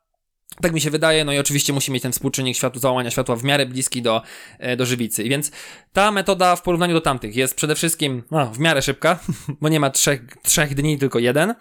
E, Jest skalowalna, bo mówię, tutaj w przypadku każdej tej deski od 0,6 do 3,3 mm, mm grubości otrzymujemy e, transparentne drewno. Mhm. E, Jest w miarę tania, no poza tą aparaturą do próżni, no ale raz się kupi, no to już tak naprawdę można, wiesz, no i tam koszt żywicy, perhydrolu, tego NH, e, wodorotlenku sodu, no to nie są jakieś, no pędzel, to nie są jakieś bardzo trudne rzeczy, no i przede wszystkim jest przyjazna środowisku. No bo tak naprawdę, no to co, no mamy tą, tę wodę, No ten toluen to taki jest mniej, przy- mniej przyjemna no nie rzecz. jest zbyt no. przyjemny, ale wiesz, w, wydaje mi się, że w kontrolowanych warunkach tak naprawdę to jest coś na zasadzie po prostu, wiesz, spłukujesz, dajesz do tego, dajesz do, e, do nie wiem, czy destylacji, czy do jakiejś też, eks, nie ekstrakcji, tylko do wyparki, nie żeby tam ci, e, Wyczyścić. tak, żeby go wyczyścić, od, oddzielić od tego etanolu. I w tym momencie właśnie z tym polimerem udało się odporno, e, zwiększyć odporność na rozciąganie i tutaj tak naprawdę w stosunku do naturalnego drewna, na rozciąganie wzdłuż tam, żeby przyłożyć, żeby to drewno, tak mi się wydaje, żeby ono pękło w jakiś sposób, tam uszkodziło się bardziej trwale, no to musieli przyłożyć 46, tam chyba było mega, megapaskali, tak, 46 megapaskali, dla normalnego drewna tam było 24,5, w każdym razie prawie 20%, znaczy prawie 20 razy większa siła jest odporność na rozciąganie, mhm. natomiast w przypadku rozciągania wszerz, czy tam łamania wszerz, no to siła, którą trzeba przełożyć jest, musimy przyłożyć 44 razy większą siłę z tym polimerem. Więc zdecydowanie drewno jest bardziej wytrzymałe. Ilość... No i to myślę, że to jest lepszy przepis, no bo nie pozbywamy się tej linii Tak, ta lignina Nie wiem, co się z nią robi. Jestem bardzo ciekawy, co się pod takim względem chemicznym robi. To jest twoje zadanie domowe, żeby to sprawdzić. O cholera, dobra. To weź, to weź mi to napisz tam w dobra. notatkach, dobra? E, no, ale nie pozbywamy się tej ligniny, a dodajemy i tak, tak czy jak to, ten polimer, tą żywicę, nie? Więc... -hmm. Więc myślę, że faktycznie tutaj będą lepsze te właściwości. Znaczy, bo to jest tak, że my po prostu usuwamy część tej ligniny, nie? Na zasadzie, tam ta lignina trochę się, trochę jej ucieka, bo zmniejsza, zmniejszyła się jej ilość tam z 25 do 19%. Mhm. Więc ale to nie trochę jest, jest ale tak... to nie jest jakoś tam mhm. super dużo. Yy, właśnie tak jak mówiłem, rekord długości to jest 1 metr, yy, jeśli chodzi o tą dechę, którą udało im się stworzyć. I absorpcja w tym przypadku wynosi 0, a 0%, że w ogóle nie absorbuje. A normalnie w drewnie takim naturalnym na to promieniowanie jest 83% tego promieniowania jest pochłaniane przez, przez drewno. Więc jest to ogromny, ogromny postęp. Samo drewno jest yy, twardsze, wytrzymalsze i jest przy okazji ma, jest nawet trochę elastyczne przy okazji, więc też gdzieś tam ta obróbka będzie trochę łatwiejsza. No i też tak naprawdę tak taka fajniejsza ciekawostka, że w tym momencie, no biorąc pod uwagę, że my smarujemy, znaczy nakładamy ten, mm, smarujemy tak źle brzmi, nakładamy tym pędzelkiem tą wodę utlenioną, no to w tym momencie albo możemy to po prostu rozprowadzić po całej objętości tej deski. Albo w wybranych miejscach. Albo w wybranych miejscach. I w tym momencie możemy zrobić coś takiego jak takie wzory. I są mhm. tutaj, mam kilka obrazków akurat przygotowanych, że nie wiem, jest, widzicie taką płytkę przezroczystą i tam jest czwórka napisana. Tylko, że ta czwórka to jest właśnie drewno, które nie zostało ta część drewna, z której nie zostały usunięte chromofory. Okay. Więc y, tak samo na przykład mamy deskę, tylko że przezroczyste jest w niej A, albo jest symbol yin yang, który też jedna połowa jest biała przezroczysta, a druga część jest drewniana. I tylko jest tam na tej przezroczystej części jest zrobiona tam ramka, żeby wiesz, żeby było widać, że to jest faktycznie ten in. I... No bo znaczy inaczej, no bo tutaj pokazana jest zaleta tego właśnie malowania, no bo tak. domyślam się, że można równie dobrze tę deskę wrzucić do. Oczywiście, tak. No. Chociaż mm, nie, bo musisz wystawić na ekspozycję na światło Aha. UV, więc trochę. No, ale inaczej, no bo malujesz pędzelkiem, a możesz tak, deskę znaczy zanurzyć, rzucić, zanurzyć. zanurzyć tak. tak. I znaczy wydaje mi się, że może lepiej rozprowadzić pędzlem, żeby to się miało szansę trochę wchłonąć. Też z drugiej strony, jak ją potrzymasz w środku dłużej, to też powinno zadziałać. No, w każdym razie Poza tym, że tutaj całą deskę możemy mm, zrobić przezroczystą, to tutaj możemy też robić sobie jakieś wzory. Ja sobie mogę, nie na przykład patlej napisać tak, żeby było przezroczyste na tej desce. E, no i mówię, no prawdopodobnie bym to zrobił. Jakbym, jakbym miał dostęp do żywicy epoksydowej, a przede wszystkim próżniowego wtłaczania tej żywicy. Bo naprawdę chciałem tutaj przygotować i chciałem ci dać. E, o, normalnie kurczę. chciałem ci dać i no, powiedzieć, no, no. Patryk, co, co to jest, nie? Ty tak, kurde, no wygląda jak drewno, smakuje jak drewno, nie? A to pyszne płatki śniadaniowe. E, I no ale niestety mi się nie udało. I też to, co zrobiono z tym drewnem, no to porównano oczywiście koszta. No bo żeby to zostało zastosowane, no to musi się opłacać. No niestety money, money cash dzisiaj to jeden z tych determinujących czynników, jeśli chodzi o zastosowanie. E, I tutaj skupili się na tym, że gdyby chciano to użyć do, jako panele rozpraszające do ogniw fotowoltaicznych. Bo też generalnie jednym z zastosowań jest tylko już nie bardziej przezroczystego, a takiego e, mętnego drewna jest to, że właśnie kiedy to promieniowanie dotknie tego mętnego drewna, tego takiego nazwijmy to półtransparentnego, no to w tym momencie ono się będzie rozpraszać. Mhm. I ono, ta wiązka światła, która będzie padać na to ogniwo fotowoltaiczne, ona nie będzie, wiesz, padać w jednym kierunku, tylko będzie się rozpraszała na większej przestrzeni. I w tym momencie to ogniwo foto fotowoltaiczne ma pracować wydajniej. Przy czym ja się nie znam za bardzo na ogniwach fotowoltaicznych, ale są badania, w których faktycznie jest ta większa efektywność tego ogniwa. Są dowody na to, że ona faktycznie, wiesz, mhm. po zastosowaniu takiej warstwy jest lepsza. Okej, okay, no brzmi to w miarę sensownie. Więc y, to moim zdaniem to jest jedno z takich najbardziej prawdopodobnych zastosowań. W sensie, jeśli, jeśli już miałbym strzelać, że to się gdzieś pojawi kiedyś w przyszłości, to tam. Mhm. Bo... No, bo na przykład jak są panele fotowoltaiczne, nie, to one mhm. są super, tylko jak spadnie grat, to uszkodzenia mogą być. No właśnie, taki czynnik mechaniczny też jest ważny, bo mhm. takie drewno powinno wytrzymać. No bo Co prawda nie wiem, jakie jak to będzie przykład, grube. Jak, nie wiem, mętne szkło, nie? Więc mo mhm. można by było zastosować na taką warstwę mętne szkło, no tylko mętne szkło ma to do siebie, że pewnie ma gorsze właściwości mechaniczne niż, tak, niż to no, drewno. Mhm. Nie wiem jak, wiesz, też zależy, zależy oczywiście od tego, jak, jak gruba będzie ta warstwa, no ale jeśli to będzie centymetr, tak naprawdę, biorąc pod uwagę, że 60% transparentności wydaje mi się może być wystarczającą liczbą, nie? To jest jeszcze na te stare metody, a tutaj, no właśnie, bo tutaj zapomniałem w sumie powiedzieć, nie wiem dlaczego nie mam to odnotowane w notatkach, że transparentność drewna wykonanego tą metodą to jest 90%. Mówiłeś to chyba. Tak Mówiłem, że wydaje? z 80 to był rekord tam przy jednym e, centymetrze, przy jednym milimetrze. A tutaj tak naprawdę tą metodą otrzymujemy 90% transparentności dla, no tak naprawdę od tego 0,6 do 3 i 3 tam 3,5 mm grubości. Więc metoda jest skalowalna i to jest bardzo fajne. Jeśli chodzi o koszta, no to mamy 3,14 dolara na 1 kg tego drewna. Nie mam, znaczy jedyny, jedyną liczbą, jaką mam porównanie, to że ta stara metoda, czyli z wykorzystaniem tego podchlorynu sodu i tym podobne, e, kosztuje 7 dolarów ponad, Mhm. więc mamy prawie, nie, mamy ponad, Ponad dwa, dwa, dwukrotną dwukrotne zniżkę. ten, Mhm. ponad dwukrotną zniżkę ceny. Jest mniej odpadów, bo w tej metodzie właśnie zużywa się 30 ml na prawie litr. W sensie ta druga metoda zużywa prawie litr yy, tych odpadów. No i tutaj tak naprawdę jest zero toksycznych odpadów. To znaczy, no, ten toluen jest taki, taki szemrany, ale tam, tam te związki tych, pod tych No, na podchlorynach, pewno tych chloranów, no. tych chloranów są zdecydowanie mniej, bardziej niebezpieczne niż, niż sam toluen. No i przy okazji jest szybciej, stabilniej, dobrze skalowa, dobrze się skaluje, no i przede wszystkim mamy tą ligninę, czyli to drewno jest zdecydowanie e, wytrzymałe, no i też inna kwestia, że jest, są te przezroczyste wzory, które możemy sobie tworzyć. I, i to jest jedna rzecz, bo to jest optycznie tra, transparentne drewno. I teraz jeszcze chciałem powiedzieć trochę o modyfikacjach, bo tak jak ci mówiłem wcześniej, nie gdzieś tam świecą, wiesz, drewno przezroczyste, które świeci, nie, fajnie, fajnie, bo oczywiście ludzie szli z tym dalej i jak wtłaczali ten polimer, to wtłacza, wtłaczali to już z tymi różnymi cząsteczkami. Na przykład mamy dodatek kropek kwantowych właśnie, żeby sprawdzić, to było, tak mi się wydaje, głównym celem tych badań było zobaczenie, jak te kropki kwantowe się rozprowadzają z tym polimerem. Niestety okazało się, że się tam aglomerują i nie ma tego rozprowadzenia mm, takiego równomiernego. E, ale zrobiliśmy e, drewno, które świeci. Inkorporowano tam, czyli mm, w ten polimer, Wtłoczono. tak, wtłoczono z tym polimerem cząsteczki ferytów i mieliśmy magnetyczne drewno. E, Ktoś poszedł krok dalej i nie dość, że dał tam gamma tlenek żelaza, który jest też ma właściwości magnetyczne, to jeszcze przy okazji sprzęgł go z wanadanem itru, który jest domieszkowany jonami Europy, czyli mieliśmy magnetyczne drewno, które świeci. Transparentne magnetyczne drewno, które świeci. Mówiłem, sky is the limit. Fajnie. Mamy też e, dodatek wolframianu cezu i to jest bardzo fajne i to też wydaje mi się może znaleźć całkiem dobre zastosowanie. Otóż wolframian cezu ma to do siebie, że pochłania promieniowanie podczerwone.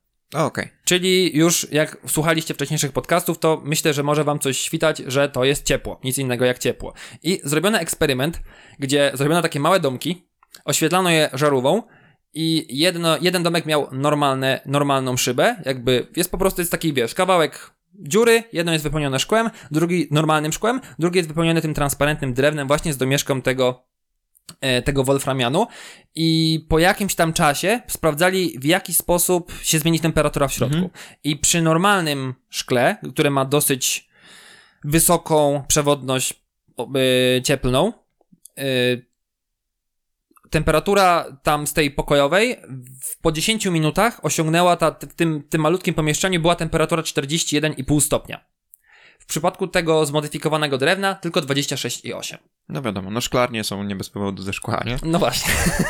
więc, e, więc to jest bardzo fajna sprawa. No ja bym tutaj do mojego mieszkania, z racji tego, że mieszkam od strony wschodniej i tak naprawdę jak już przychodzi ten taki ciepły, ciepły Wrocław, który się uruchamia latem ponad 30 stopni, to ja tutaj o 7 rano też mam saunę, więc ja bardzo chętnie przytuliłem taką technologię.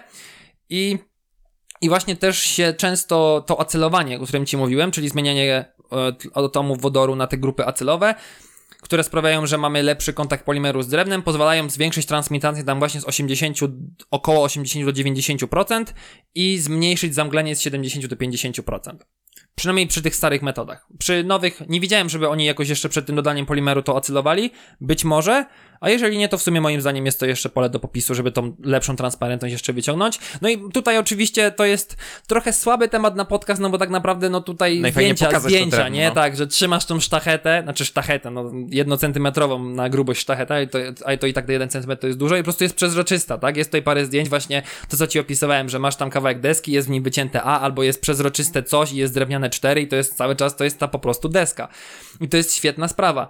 I no i właśnie z tymi zastosowaniami jeszcze na przykład też ktoś zrobił mm, w tę warstwę polimerową, yy, poczekaj, żebym się znalazł, tak, wziął jeden polimer, który jest tam z jakimś elektrochromowym urządzeniem, nie wchodziłem w szczegóły co to jest, ale generalnie uzyskano taki efekt, że przez natężenie prądu zmieniano kolor tej szyby. W sensie albo ona była przezroczysta, albo mogła być zamglona, na przykład, nie wiem, czerwona, zamglona niebieska i tam zdaje się jest zakres od przezroczystej do magenty. To są takie materiały, nie takie, że na przykład możesz sobie, nie wiem, prysznic o, w takich luksusowych hotelach, mhm. masz sypialnię i za szybą w tej sypialni jest na przykład prysznic. Wiesz możesz... co, ja nie żyję w takich luksusach. Ale tak kojarzysz z jakichś takich filmów, materiałów, czy coś takiego, mhm. że wiesz, że odpala, że wciskasz przycisk i nagle szyba, która była przezroczysta, wiesz się, no albo zamgli się, albo coś takiego, albo to może być, barwy, To może nie? być jakiś osobny filtr na szkle po prostu. A tu masz to w, w drewnie w już, nie? Już, mhm. już w samym drewnie, rozprowadzonym z tym polimerem. Znowu, bo to też, co mówię się przezroczystości, no to też właśnie y, rozprowadzono warstwę ciekłych kryształów, też taką y, na tej najbardziej zewnętrznej warstwie drewna i tutaj też za pomocą elektryczności, jeżeli wyłączamy prąd, to ta szyba jest przezroczysta, jeśli włączamy prąd, to ta szyba jest zamglona. Więc też w jakiś sposób, no i oczywiście tą transparentnością możemy sterować w zależności od tego, jakie napięcie prądu przyłożymy. I też nie są to jakieś tam duże napięcia, więc to jest też w miarę e, energooszczędne. Więc tutaj tak naprawdę jest duży potencjał do tego, żeby to kombinować i faktycznie jakoś zastosować. No jeśli chodzi o zastosowanie to jako okna, bo to zostawiłem sobie jako ten creme de la creme, żeby mm, odpowiedzieć na to pytanie. I przede wszystkim zacznijmy od analizy normalnych okien. Nie? Normalne okno zrobione z plastiku w ramce i szybach w środku. No i szkło, znaczy szyby są ze szkła, a szkło jest dobrym materiałem, bo właśnie jest optycznie transparentne, jest w miarę twarde, mimo tego, że trochę kruche i też przy okazji da się go dosyć dobrze i łatwo formować w hutach. Tylko nie wiem, jak ten proces wygląda, bo się w to nie zagłębiałem. No, szkło jest też dosyć dobre, bo jest w miarę odpornie termicznie, przynajmniej w tych temperaturach, jakie normalnie są tam na zewnątrz. Jest też brak, wykazuje też brak reaktywności chemicznej. No i tak naprawdę yy, to, że jest transparentne, wynika trochę z jego struktury, bo szkło jest tak zwaną substancją, czy tam ma tak zwaną postać amorficzną. I teraz, żeby to wytłumaczyć, to tak ładnie się mówi, że to ma uporządkowania bliskiego zasięgu, ale jakby to tak sobie uzmysłowić, bo też się na tym zastanawiam, jakby to powiedzieć, to, to jest coś w stylu, jakbyś, jakbyś miał pandemię, Patryk, mhm. i poszedł do sklepu i kazał ludziom trzymać półtorej metra dystansu, nie? W każdej, w każ wiesz, w każdym kierunku. Tak. No to przy kasie, to się ludzie jeszcze będą w miarę ogarniać, nie? Że masz wyznaczone linie i oni będą stać te półtorej metra od siebie. Ale im dalej gdzieś tam od tych kas, albo nie wiem, od takich punktów, e, nazwijmy to ważniejszych, typu, nie wiem, lada z mięsem, -hmm. że tam jest jakaś mhm. pani, no to w tych punktach takich, no, na zasadzie klasa, kasa lada z mięsem, ludzie będą się mniej więcej trzymać tego odległości. A im dalej, tym będą trochę bardziej rozproszeni, czasem bliżej, czasem, czasem trochę dalej. I to jest mniej więcej struktura amorficzna, czyli w, w bliskim dystansie te atomy w miarę trzymają swoją strukturę, ale to nie jest tak, że jeden atom jest obok drugiego, y, idealnie wiadomo, tam w danych odległościach to, to się trzyma. Mhm. Tak, nie ma, nie ma tego szeregu, tylko jest takie bardziej, bardziej rozproszenie. No i to sprawia, że jeżeli y, kierujemy na nasze szkło fotony, czyli po prostu promieniowanie, no to w tym momencie y, jeżeli w ogóle kierujemy fotony na jakiś przedmiot, to mamy trzy możliwe scenariusze. Albo w przypadku drewna zostanie ono właśnie zaabsorbowane, żeby na przykład wytworzyć jakiś barwnik i żeby nam drewno się zabarwiło, albo będzie ono rozproszone w jakiś sposób poodbijane, no albo właśnie przejdzie po prostu przez, przez nasz materiał. No i w przypadku szkła jest ta trzecia sytuacja, jest y, ta transmisja, no i to jest związane właśnie z tym, że ta energia promieniowania, która idzie, ona w żaden sposób nie będzie, yy, nie będzie z tymi yy, atomami w szkle yy, reagowała. Ja to też trochę na zasadzie tak, też na, zastanawiam się na, trochę jakby to wytłumaczyć, że to jest tak jakbyście biegali po łące i po lesie. A no, w sumie wiesz, sprytne. Po łące, mhm. po łące wiesz, y, tam, to jak tam biegniesz i masz jakąś tam energię, no to w tym momencie po prostu sobie idziesz. Idziesz sobie przez tą łąkę, nawet jak biegniesz, to jest spoko. A w momencie, a w lesie kiedy... musisz się jednak dostosować Tak, drzew. a w lesie, w lesie, jak zakładając, że idziesz cały czas prosto, to w końcu spotkasz to drzewo. Chyba, że masz tak dużą energię, na przykład to może być promieniowanie UV na przykład, i będziesz pędzić tak szybko, albo nie wiem, na przykład będziesz jechać buldożerem, a nie będziesz szedł, no to ty to po prostu to drzewo zmieciesz. No i w tym momencie, no tak na przykład światło UV w sumie jeszcze, wiązania, nie? Jeszcze gdzieś tam pogłębiając twoją analogię, mamy las, Mhm. I wyobraź sobie, że mamy ziemię, potem są drzewa i potem już jest nad, na, jesteśmy nad drzewami, nie? Mhm. I to są różne poziomy energetyczne Tak, naszej tak, fali. dokładnie. Więc możemy cisnąć przez ziemię, Mhm. no dosyć szybko się zatrzymamy, czyli zostaniemy pochłonięci. Możemy biec przez las, to jak wpadniemy na drzewo, to się od niego odbijemy, Mhm. więc mamy odbicie, a jak będziemy już lecieć nad drzewami, czyli już będziemy mieć taką energię, która nie będzie gdzieś tam z niczym nam e, reagowała, no to będziemy lecieć jak strzała i przelecimy nad tym lasem i ewentualnie zah- zahaczymy parę wróbli. Dokładnie. I to też, to też y, trochę można powiedzieć do przewodności cieplnej, bo właśnie ta przewodność cieplna w drewnie jest związana z tym, że właśnie to promieniowanie ono tam wnika i ono, wiesz, gdzieś tam się styka o tą jeden atom, ten jeden atom zaczyna drgać o drugi i tym podobne i to trochę jak w tłumie ludzi, nie? Jak się idzie przez tłok, no to tu się musisz poprzeciskać, nie? Gdzieś tam się poocierasz, będzie trochę cieplej, tak to bardzo uproszczona analogia i nie jest jakoś tam super dokładna, ale wydaje mi się, że na potrzeby tej sytuacji wystarczy. Natomiast no w przypadku e, szkła jest tak, że te te atomy są na tyle od siebie porozdzielane, że jeżeli jeden atom nawet gdzieś tam zostanie, nazwijmy to, draśnięty, nie? Przez ten, przez ten foton i gdzieś tam zacznie sobie drgać, no to to drganie w miarę szybko zostanie wygaszone, no bo po prostu on go nie przekaże tam dalej, nie? W tej strukturze nie będzie. To jest coś na zasadzie, jak y, masz tłum ludzi, jedna osoba mówi, dobra, robimy falę meksykańską, nie? Ona wstaje, reszta siedzi, nie? I, no i tyle, tyle, tyle z twojego żartu wyszło. E, natomiast i właśnie dlatego drewno zastanawia się, czy zastąpić je szkłem, bo po pierwsze, no jeżeli mamy transparentne drewno, no to, no to sprawa prosta. Mamy jako szybę, wszystko widzimy. Ono ma mniejsze przewodnictwo cieplne, czyli, tak jak mówiłem tam wcześniej z tą domieszką, czyli nie będzie nam się tak nagrzewać pomieszczenie w środku, no i przy okazji nie będzie nam ciepło uciekać na zewnątrz, jeżeli na przykład będzie sezon tam zimowy grzewczy. Mm, No i też drewno jest wytrzymalsze niż to szkło. Więc automatycznie po prostu to będzie y, bardziej wytrzymałe, bo właśnie stosuje się dwie warstwy szyb, przez to, że żeby ta próżnia w środku między nimi, bo tam chyba jest próżnia albo jakiś gaz obojętny, czy- mm, znaczy nie gaz obojętny, tylko szlachetny, żeby to jakoś tworzyło jakąś tam warstwę izolacyjną, żeby to ciepło nie uciekało. No i tak naprawdę w sumie to tyle, jeśli chodzi o mój temat, więc Patryk, y, powiedz mi, mm, jak myślisz? Co, co przede wszystkim, jakby już pomijałem ten efekt wow, nie? No, wiesz co, fajne są te właściwości, y, po pierwsze fizyko-mechaniczne, czyli Mhm. odporność i tak dalej. Druga sprawa to właśnie ta izolacja. Myślę, że to jest y, kwestia, która mogłaby faktycznie zaważyć na tym, że mogłoby się taki materiał pojawiać. Pomijam fakt, że to drewno może być funkcjonalizowane w różny sposób, może być modyfikowane, więc może mieć zastosowanie w różnych takich fajnych rzeczach i też designerskich, bo to może fajnie po prostu tak, tak, wyglądać, no takie nie? świecące drewno, Jeżeli gdzieś tą żywicę zrobimy kolorową, yy, czy coś takiego, ten polimer gdzieś zabarwimy, to, to, to, to będzie przezroczyste, ale będzie na przykład niebieskie, tak, coś jakieś niebieskie szkło i tak dalej, i Mhm. gdzieś tam zostawimy jeszcze fragmenty drewna, to może świetnie wyglądać, nie? To w sumie o tym samym, co mówiłem tam na samym początku, nie? Że widziałem gdzieś, że są takie meble, połączenie drewna i, i, i żywicy, przy czym to jest tak osobno, nie? A tutaj mamy to jedną, jedną strukturę. E, no i, e, ale tylko po prostu kwestia jest tego, jaka to będzie cena. I właśnie tak próbowałem się cały czas robiąc tutaj ten przegląd, zastanawiać się na ile to ma szansę trafić pod strzechy. I tutaj właśnie nie y, rozglądałem się za kosztami, w sensie jak, jak wygląda mniej więcej technologia hutnicza, jak się to szkło utrzymuje, jakie to są koszta, tak naprawdę jaki jest koszt wytworzenia samego okna. Już tutaj właśnie w domyśle tutaj tego odcinka, bo myślałem, żeby to, z, żeby to zastosować jako okno. Wydaje mi się, że jest potencjał, też biorąc pod uwagę, że no na przykład jeżeli chcemy sobie gdzieś tam zbudować ten domek z drewna, na przykład, no to w tym momencie nie musimy wycinać specjalnie dziury, żeby później, wiesz, wstawić to plastikowe okno, przy okazji to trzeba by to A, jeszcze, mówisz, wiesz, że taki domek w całości drewniany. tak, na przykład, nie? Mhm. Żeby tam Okej, zastosować tą ciekawe. piankę, żeby to, wiesz, izolowało, no i samo w sobie drewno już przecież dobrze izoluje i to jest kwestia tylko tego, żeby, wiesz, zrobić ten mechanizm otwierający, no i tak naprawdę jedyna nieszczelność, jaką masz, to na tej przestrzeni takiej fizycznej, nie? Że Mhm. po prostu przy jakimś tam otwarciu, żeby tutaj było odpowiednio to, to szczelnie zrobione. Tu kwestia kosztów oczywiście to jest inna kwestia. Yy, jeszcze tak zastanawiałem się właśnie nad tym, mm, co na to natura.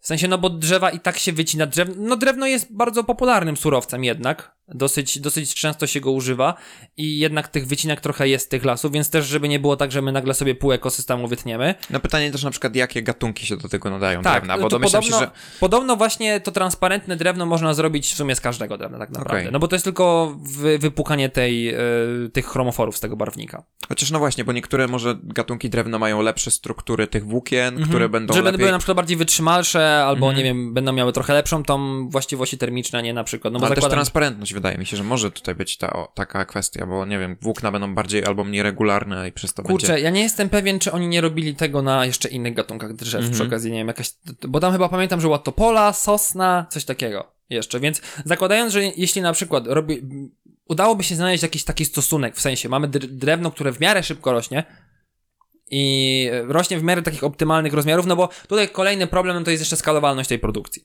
W sensie, no bo nie zrobimy sobie okna 2 metry na 2 metry, no bo po prostu nie ma takiego drewna, No znaczy, albo jest bardzo rzadko występuje, które by gdzieś normalnie y, można było w całości zrobić taką szybę, chyba że ktoś w jakiś No, sposób, jakaś wiesz, mozaika, jakaś kafelki, mozaika, coś łączenie. w ten Mhm. deseń, nie? Więc to jest jeszcze, jed, to jest jeszcze jedna kwestia, tak mi się wydaje. I y, takim, tak jak mówiłem wcześniej, najbardziej takim prawdopodobnym zastosowaniem, wydaje mi się, byłoby jako te panele rozpraszające w ogniwach fotowoltaicznych.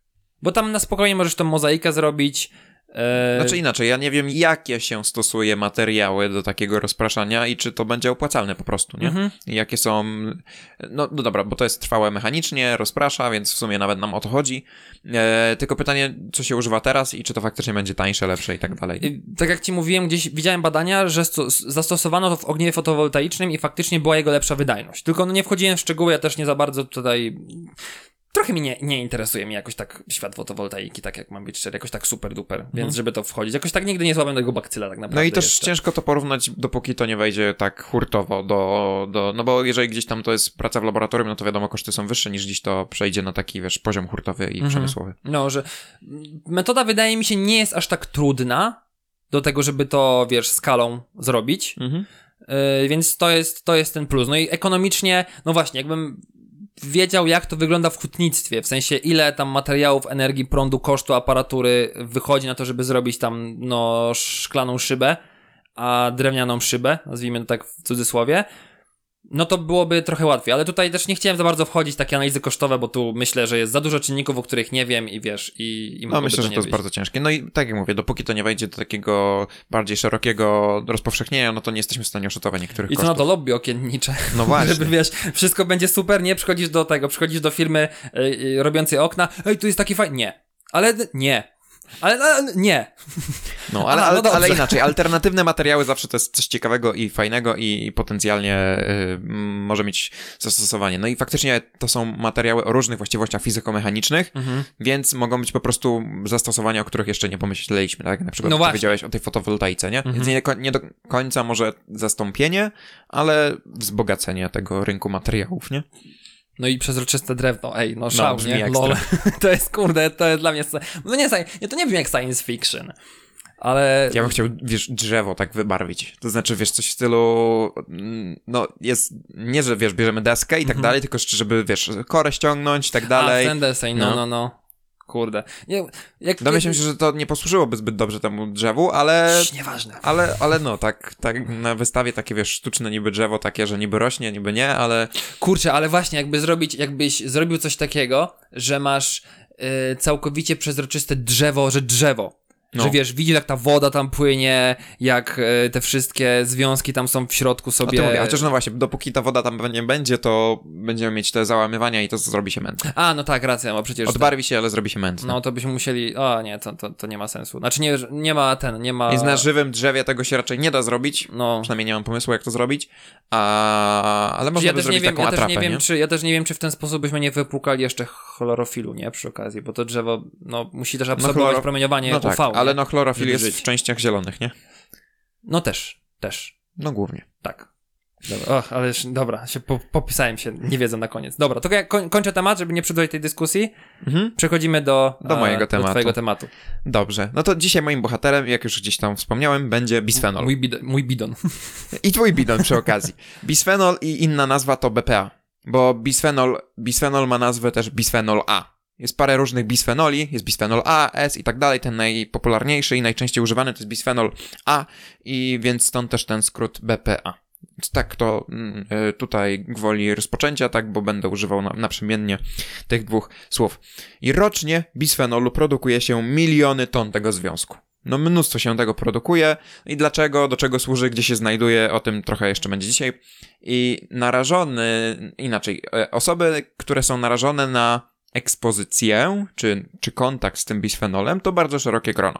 Bo możemy zacząć od dzieci, one są narażone na, na, na, na kontakt z bisfenolem, ale też sportowcy, również smakosze potraw na wynos, y, ale też w sumie nie tylko na wynos, bo osoby, które same sobie przygotowują posiłki, gdzieś te posiłki trafiają do pudełek, to też mogą no mieć tak. kontakt z bisfenolem. Użytkownicy sprzętu elektronicznego również są narażeni, osoby korzystające z powietrza nad Bawarią, Kto? A...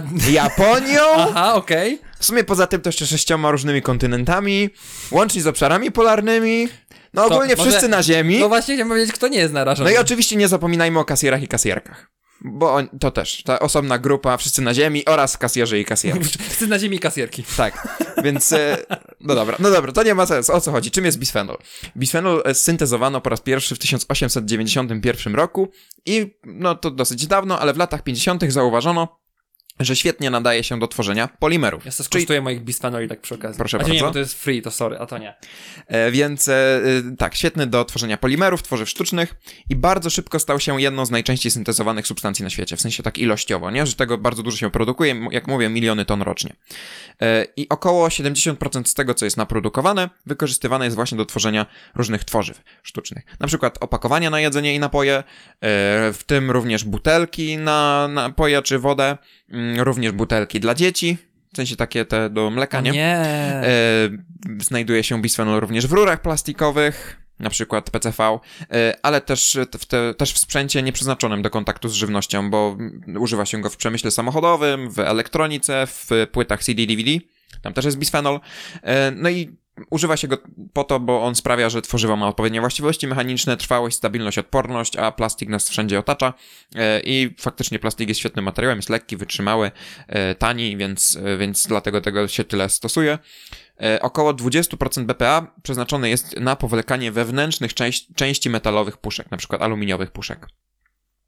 Tak, żeby to tam nie korodowało i żeby to nie, nie przereagowywało na mnie. To śniadanie już mam zaliczone, bo właśnie No tak, no także już miałem kontakt. także ten. Ale BPA również powleka papiery termiczne. Czyli na przykład papiery, gdzie znajduje się, n- znaczy te paragony są drukowane na papierach termicznych. Stąd kasjerzy i kasjerki. A, to wczoraj też miałem kontakt. No właśnie. E, można go też znaleźć w kosmetykach, w dezodorantach, perfumach, szamponach, w stomatologii również gdzieś widziałem informację, że znajduje się w jakichś, e, czy, czy w tworzywach, czy, czy w uzupełnieniach, czy w jakichś takich środkach, które stosuje się w, w stomatologii, ale również oczywiście w tanich zabawkach, czy smoczkach, butelkach, wszystko co przyjeżdża z wesołego państwa tak zwanego środka, czyli z dalekich e, Chin, nie?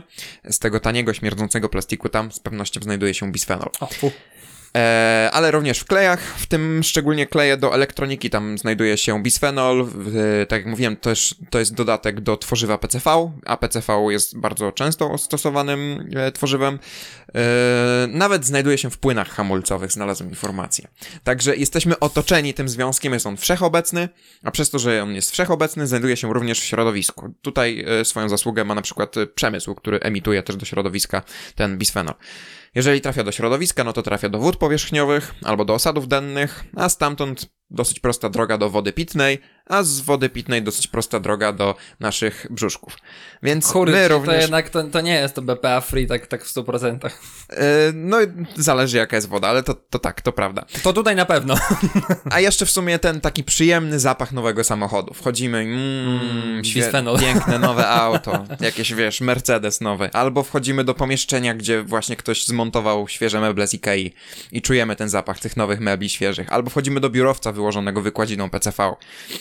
Tam prawdopodobnie może być bisfenol w tym Oh my powietrzu. god, oh my god. E, bisfenol jest wszędzie, wspominałem też o tej Bawarii, Japonii, o kontynentach, bo wspominałem o tym nie bez powodu, bo czy też o obszarach polarnych, bo tam też w powietrzu, w jakimś tam stężeniu, w, po prostu w powietrzu wykrywano e, bisfenol. A nad Polską też? E, chyba nie widziałem badań, które mówiłyby o Polsce, ale z Polski do Bawarii Ale możemy optymistycznie założyć, że tam jest. Tak, tak, tak. E, no i co z tego? Ano, badania pokazują, że bisfenol nie jest obojętny dla naszego zdrowia. O, o, o ironia. Tararara. E, Bisfenol jest ksenoestrogenem. To jest piękne słowo. Co ono znaczy? Kseno to jest z greckiego obcy. Estrogen no to jest e, jeden z naszych hormonów płciowych. E, No i więc e, bisfenol jest związkiem, który przypomina swoją budową żeński hormon estrogen. I gdy trafia do naszego organizmu, to udaje, przypomina estrogen i oddziałuje, oddziaływuje z tymi samymi receptorami. przede wszystkim z receptorami estrogenu i androgenu. I w ten sposób wpływa na pracę naszego układu, mówi się endokrynnego, czyli wewnątrzwydzielniczego, czyli po prostu hormonalnego. Czyli gdzieś tam zakłóca wydzielanie i metabolizm hormonów, no czyli bawi się z naszą gospodarką hormonalną, co nie jest niczym dobrym, jak wiadomo. No? E, to pewnie o tym powiesz, ale to intuicyjnie, tak. intuicyjnie przychodzi mi do głowy, że bardziej, bo nie, że tylko, bardziej Mhm. dotyka kobiety. Bo one... Bo my jako mężczyźni też mamy estrogen, tylko mamy go pewnie mniej. No to a spójrz na to w ten sposób. Jeżeli my mamy mniej, to Albo przyjmiemy jakąś dawkę, Mhm. to dla nas to będzie względnie no większa tak, no dawka okej, no tak. niż to, co mamy naturalnie w sobie. Kurde. Więc jednak. widzisz? Dobra, to się wycofuje, no. E, ale jeszcze będę mówił, kogo dotyczy, w jakim stopniu i, i co się będzie tam działo. Bo e, Zapinam pasy.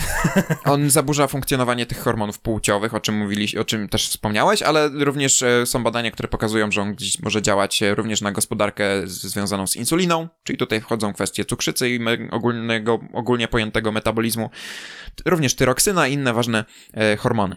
Poza tym e, może wykazywać, i to wykazały badania takie na mm, zwierzętach, albo na badaniach, takich modelach in, in vitro, czyli niekoniecznie na ludziach, ale niemniej jednak jakieś badania są, które pokazują właściwości hepatotoksyczne. Skończę i dam ci powiedzieć. Dobra. Hepatotoksyczne, czyli uszkadzają wątrobę, immunotoksyczne, czyli uszkadzają układ odpornościowy. E, Bisfenol może wykazywać również właściwości mutagenne, czyli powodować jakieś mutacje w naszym DNA oraz y, gdzieś są badania, które pokazują, że bisfenol może mieć właściwości karcynogenne, czyli tworzyć nowotwory, czy sprzyjać tworzeniu nowotworu, Super. nowotworów. No co tam? Y, to przypomnij mi, od którego roku zaczęto go tak mniej więcej stosować? Od lat 50. Od lat intensywnie. 50., 60., dobra. 50. To tak, tworzywa się Od kiedy, od kiedy są badania, które mówią o tym, że coś to szkodzi? Tak mniej W sumie więcej? to, że, wiesz, wiesz, wiesz, wiesz, że to już jest znane. A mówiłem, tak... że został syntezowany w 1898 roku chyba, Aha. nie? I wydaje mi się, że zanim go zaczęto tworzyć, yy, znaczy używać do tworzyw sztucznych, Mhm. to wydaje mi się, że ju- już wcześniej wiedziano, że on zachowuje się jako ksenoestrogen. Okej, fajnie, dobrze. Jeszcze wcześniej. Mhm, super. No i potem zaczęto go stosować tak bardzo intencjonalnie. Tak. E, no bo e, jeśli ten bisfenol jest wokół nas, to czym my go wchłaniamy, nie? No bo może być tak, że on jest wokół nas, ale no, nam nie szkodzi. Więc w jednym z, albo inaczej, że jest wokół nas, no ale on nie trafia do naszego organizmu, nie? W jednym z badań grupie osób podawano ten sam napój, to było mleko sojowe, z tą różnicą, że część otrzymywała napój w butelkach szklanych, a część w puszkach. No i pokazano, że napoje w puszkach powodowały wzrost stężenia bisfenolu w moczu. Czyli jeżeli pijemy napoje z puszki, a puszki są powlekane gdzieś tam taką warstwą, yy, która zawiera bisfenol, no to pojawia się w moczu, czyli wchłaniamy raczej ten bisfenol. Mm, No a dodatkowo w tym samym badaniu pokazano, że łączyło się to ze wzrostem stężenia, yy, przepraszam, ciśnienia tętniczego. Czyli już pokazywano jakieś takie yy, w tym badaniu, że znajduje się w moczu i ci, którzy mieli ten bisfenol w moczu, to mieli wyższe ciśnienie Już, już od samego wypicia puszki już im się miał, mieli jakieś tam. Tak, to było powiązane inaczej, że mieli- no tak, czyli jedyna różnica była taka, że jedni pili z puszki, jedni ze, ze szkła, no i ci, którzy pili z puszki mieli podwyższone ciśnienie tętnicze. Oh A yeah. przy okazji ten bisfenol w moczu. Oh yeah. E, istnieją też badania, które sugerują powiązanie bisfenolu z cukrzycą typu drugiego, e, chociaż są też badania, które przeczą temu, ale trochę będę jeszcze o tym mówił, o tych kontrowersjach, bo tak jak zapytałeś, w sumie, ej, wiemy, że on może być szkodliwy, to w sumie czemu go stosujemy? To jest bardzo kontrowersyjne, czy on faktycznie jest szkodliwy, jaki jest jego A, wpływ, okej, jak dobra. bardzo, jak duży jest jego wpływ, e, więc y, są badania, które sugerują takie powiązanie, pokazują na przykład korelację, ale jak wiemy, korelacja nie musi oznaczać przyczynowości. Mm, e, Inne badania e, badało zależność narażenia dziecka na bisfenol we wczesnym dzieciństwie i w okresie prenatalnym, czyli jeszcze w łonie matki, a tym, jakie będzie BMI tego dziecka po Mhm. narodzeniu i jak to się będzie rozwijało. No i badanie pokazało, że BMI jest bez zmian, czyli były dzieci, które były narażone na bisfenol, były dzieci, które nie były narażone na bisfenol, e, po prostu badało się e, mocz tych kobiet. No i, a potem już e, dzie- dzieci we wczesnym dzieciństwie. E, I to BMI nie było zmienione względem e, tych dzieci, które nie były narażone, ale dzieci, które miały kontakt z tym bisfenolem, charakteryzowały się przyspieszonym wzrostem. Szybciej się rozwijały. Mhm.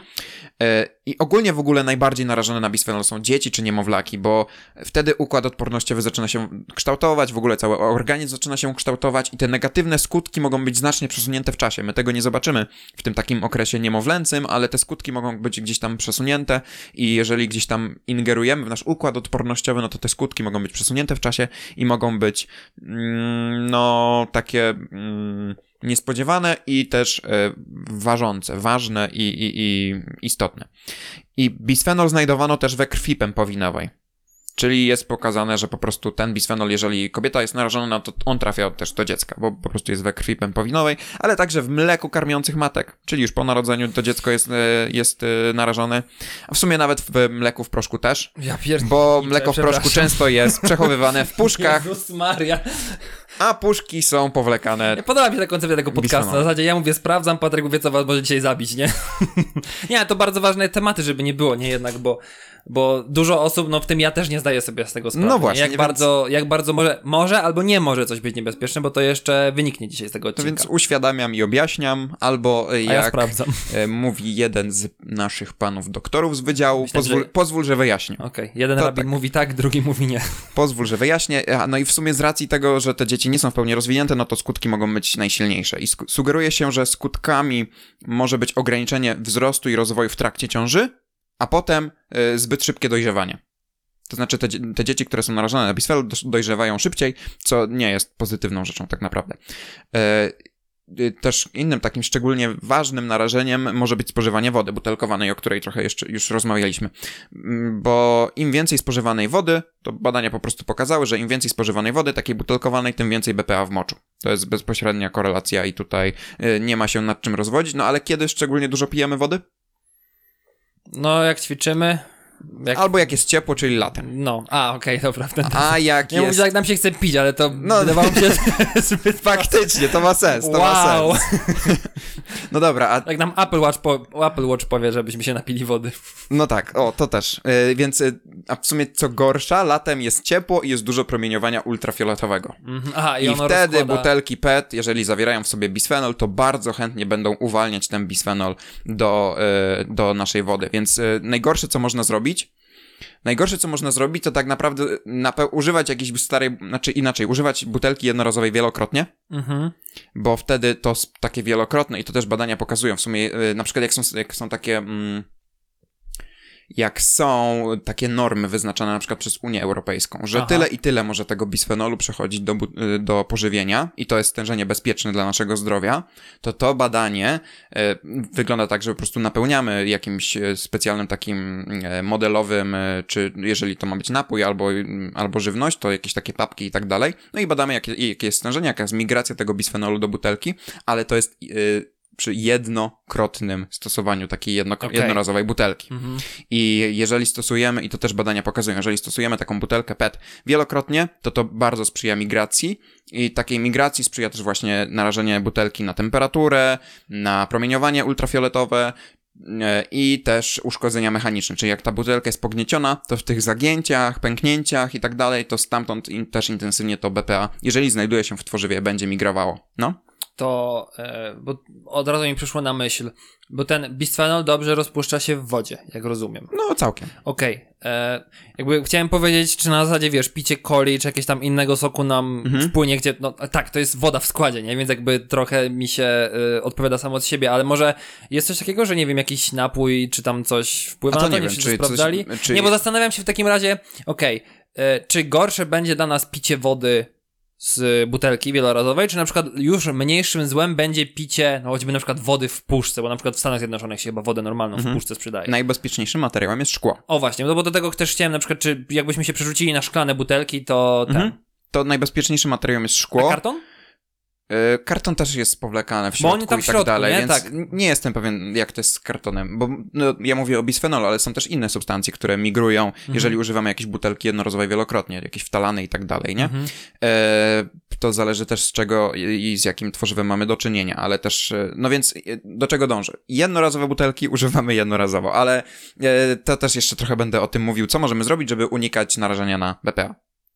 Dobra, odpowiedziałem na wszystkie pytania? Twoje? Chyba tak, na, dotych, dotychczas tak. Okej, e, więc no właśnie, więc najgorsze co możemy zrobić to wrzucić taką starą butelkę gdzieś na, wiesz, w aucie rozgrzanym do czerwoności, jeszcze najlepiej gdzieś pod szybą, niech ono będzie naświetlone A, i potem tak. wypić ten koktajl. Mm, To mm. obrzydlistwo i na pewno jest tam dużo BPA, jeżeli w tworzywie było BPA. E, I tak samo intensywne spożywanie puszkowanego jedzenia, w sensie takie częste spożywanie puszkowanego jedzenia, co u nas nie jest jakoś bardzo popularne, ale w Stanach. To jest takie charakterystyczne, że jak są amerykańskie filmy, to oni często mają jakieś takie żarcie z puszki, jakąś zupy z puszki czy coś takiego, Mhm. nie? To, to może zwiększyć poziom BPA w moczu nawet dziesięciokrotnie. To jest bardzo... Ale takie regularne w sensie spożywanie? No, chodzi? jeżeli tak intensywnie jemy, no na przykład codziennie coś tam sobie jemy z tej puszki, to je, jeżeli do, do, do produkcji tej puszki było używane BPA, to stężenie w moczu BPA, czyli, a to jest taki marker, najprostszy marker narażenia na to, na to BPA, może wzrosnąć nawet dziesięciokrotnie. Okej. E, też chyba mm, badania pokazują, że e, narażenie z tej puszki, z tego jedzenia puszkowanego, czy, czy napojów puszkowanych, to w pewnych grupach wiekowych to jest 15% łącznego, łącznego narażenia na bisfenol. Dużo, niedużo. No niby niedużo, nie? Ale z drugiej strony to jest jednak 15%, nie? No, no i też nie wiem, nie, nie jestem pewien, to chyba jest tak do ogólnej populacji, więc jeżeli ktoś bardzo intensywnie bardzo intensywnie spożywa te puszkowane jakieś rzecz, rzeczy, no to wtedy jest bardziej narażony. No i teraz tak, BPA sugeruje się, że ma wpływ na płodność. W sumie też jest sporo badań, które, y, w, które mm, to o tym mówią i to jest jedna z najczęściej podnoszonych rzeczy w kontekście BPA, ale nie jedyna, to o tym jeszcze będę mówił. I kobiety często, które mają problemy z zajściem w ciążę, mają najczęściej wyższy poziom BPA w moczu. To znaczy, bierzemy sobie pulę kobiet, bierzemy sobie kobiety, które mają problem z zajściem w cią- w ciążę, bierzemy sobie kobiety, które nie mają tego problemu i okazuje się, że te kobiety, które mają problem, u nich możemy znaleźć BPA, więc być może BPA jest winne. No. E, To pytanie od razu. Jeśli o tym powiesz, to po prostu będziesz o tym chciał mówić, to po prostu kontynuuj. Yy, Okej, no i mamy to BPA w organizmie, Mhm. nie? Jakby dostarczamy go cały czas, bo sobie jemy coś z puszki albo no w jakiejś nam na innej drodze. Mhm. No to pytanie brzmi, czy jesteśmy w stanie się pozbywać tego BPA? W sensie, wiesz, odkładamy jedzenie z puszki, sobie To jeszcze dokładamy, będę o jakieś, tym wiesz, mówił. jakieś, jest to, jakieś jeszcze- to, to jeszcze o tym powiem. linia Jaki bazowa, jest nie? Jeśli czas chodzi o półtrwania na przykład tego. Okej, Mhm. dobra. Też o tym będę mówił, ale to, to jeszcze do tego dojdę. E, Okej, i z kolei badania na mężczyznach, którzy na, zawodowo są narażeni na BPA, to nie, nie jestem pewien, jaka to, było, jaka to było narażenie, ale to wiem, że w jakiejś w Chinach, to nie wiem, czy jakaś fabryka, czy, czy, czy może jakaś firma zajmująca się tworzywami. Niemniej jednak mężczyźni, którzy narażeni są zawodowo na BPA, oni, e, u nich pokazano, że im wyższe stężenie czy poziom BPA w moczu, tym niższa satysfakcja z życia seksualnego, częstsze, częstsze problemy z erekcją i tak. Ale też wyraźny spadek jakości nasienia, co już bezpośrednio przekłada się na płodność. E, I warto pamiętać, że większość tych badań pokazuje korelację. A takie bezpośrednie ciągi przyczynowo-skutkowe, które badają, że aha, dajemy BPA, więc dzieje się to i to i to, a to wpływa na naszą płodność, one pokazywane są albo na zwierzętach, albo na modelach in vitro, co niekoniecznie może mieć przełożenie takie w 100% na człowieka. Mhm. A korelacja, jeszcze troszeczkę o tym będę mówił, ale ta korelacja, ona może być trochę mylna czasami.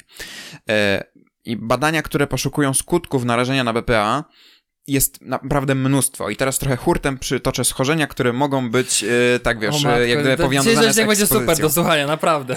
Więc e, najpierw PCOS, czyli zespół policystycznych jajników. To jest taka choroba, która gdzieś tam może tyczyć kobiet i no też wpływa na płodność po prostu, ale nie tylko. E, choroby układu sercowo-naczyniowego są powiązane gdzieś tam z BPA i sugeruje się, że mogą być powiązane z tym BPA. Mm, może spadać jakość ludzkich zarodków, ludzkich embrionów, więc znowu mamy tą kwestię może już nie tyle płodności, ale jakiejś takiej skuteczności w rozmnażaniu się. Okej. E, tak samo, mm, jeżeli nie mamy, pomijając tą jakość ludzkich zarodków, to mogą pojawiać się problemy z implantacją e, zarodka w ścianie macicy, czyli również ciąża może się skończyć niepowodzeniem. E, Jeżeli doszło do tej implantacji, to może się to sk- skończyć przedwczesnym porodem, więc mogą być albo poronieniem, albo e, może się urodzić dziecko jako wcześniak. Mm, Ale już kończąc ten temat płodności, no to e, mówi się, że to BPA może mieć też wpływ na funkcjonowanie wątroby, a jako, że wątroba jest naszym takim głównym narzędziem do deto- detoksykacji, no to z tym jesteśmy bardziej narażeni na inne toksyny i tak dalej, więc tutaj już też dużo może być problemów wynikających z tego. Mówi się o tym, że BPA może sprzyjać otyłości, a także białko moczowi, czyli e, w naszym moczu nigdy nie powinno się pojawić białko, bo nasze nerki nie przepuszczają białka, a jeżeli przepuszczają białko w naszym, znaczy inaczej, jeżeli w moczu pojawia się białko, to znaczy, że z nerkami jest coś nie tak. Praktycznie bardzo rzadko pojawia się białko w moczu i zazwyczaj wskazuje to na jakieś patologie, no. E, dwa przemyślenia. Z jednej strony, że producenci jakichś produktów, Mhm. tak jak masz w lekach, nie? Że y, masz ulotkę, teoretycznie powinieneś ją przeczytać nie tylko w stosowaniu, tylko ten lek może wywołać X, Y, Z i tak dalej. E, To w sumie to też teraz tak naprawdę na produktach obok składu, nie? Typu tyle białka, tyle cukru, to powinno być. Jeszcze Wypicie, wypicie stąd, tak, zawiera bisfenole, wypicie może spowodować i cały szereg tego, co masz. A druga kwestia to jest to, że chciałem się napić wody i tak, a może jednak nie? może jednak nie chcę mi się aż może napiję się jutro. tak, może, może, nie wiem, wezmę sz, sz, szklany bidon kupię albo coś deseń. No nie no, na twoim bidonie jest napisane BPA Free. No, no to tak, chociaż tyle, no. Eee, no dobra, będę kontynuował, chociaż już się zbliżam do końca, jeśli chodzi o te takie hurtowe przytaczanie schorzeń, ale też przy, przypominam, że to jest tylko e, sugestia i to nie jest udowodnione w 100%, że będziesz pił butel, znaczy bu- butelkowaną wodę, więc będziesz otyły, czy coś takiego, nie? Znaczy, no i zakładając, że to ma BPA, bo nie, bo to nie jest powiedziane, Tak, tak, że tak, tak. każdy produkt ma BPA w Dokładnie. Sobie. Chociaż jeszcze będę o tym mówił, gdzie się znajduje BPA i czy się, czy, czy się wycofujemy z tego i tak dalej. E, również dziś sugeruje się, że może być jakieś zaburzenie rozwoju neuronalnego u dzieci, czyli... I to znowu jest powiązane właśnie z, tym taką, z tą taką płodnością, z tą gospodarką hormonalną i tak dalej. E, a także wyższe prawdopodobieństwo astmy u dzieci. To też tak a propos tego, że te dzieci są bardzo narażone. Bo raz, że są narażone, a raz, że są wrażliwe. E, Albo na przykład te chińskie zabawki, które pewnie mają w sobie bisfenol, a dzieci mają to do siebie, że bardzo lubią wszystko brać, do, ust, buzi. tak. No właśnie. Mhm. Ojej. E, a to też jeszcze może o tym powiem. Więc e, część z tego została potwierdzona przez badania in vitro e, i badania in vivo na zwierzętach i to też w takich stężeniach, co jest ważne, które występują w środowisku. To nie jest tak, że nagle zaczęliśmy kogoś faszerować BPA, a tak naprawdę nikt nie ma kontaktu aż takiego, chyba że, nie wiem, wciąga to nosem gdzieś tam, po, no nie wiem, cokolwiek. E, no Nie niemniej kuś, jednak... nie kuś. Więc badano tak, e, takimi stężeniami, które występują w środowisku, więc to, to nie jest jakoś tak prze, mm, przeholowane, przeinaczone. I tak jak mówię, to wszystko nie jest oczywiste i są dyskusje w środowisku naukowym, jakie są, jaki jest faktycznie wpływ tego bisfenolu na zdrowie, bo na przykład y, teraz trochę będę w kontrze i w opozycji do tego, co powiedziałem, bo badania dotyczące niepłodności często były przeprowadzane na parach, które miały problem z niepłodnością. Okej, czyli automatycznie to mogło wynikać jeszcze z innych rzeczy, a bisfenol Był przy Albo- okazji... albo był przy okazji i to pogłębił, albo tak po prostu Albo może być tak, że niektóre osoby są bardziej czułe na bisfenol. okej. I na przykład część populacji y, w ogóle ich nie będzie ruszał bisfenol i nie będzie powodował jakich, jakichkolwiek problemów z niepłodnością, a niektóre osoby będą bardziej wrażliwe na to, na przykład no, na jakąś taką dysregulację ich gospodarki hormonalnej. No i wtedy one będą y, miały kłopoty z tą płodnością, nie?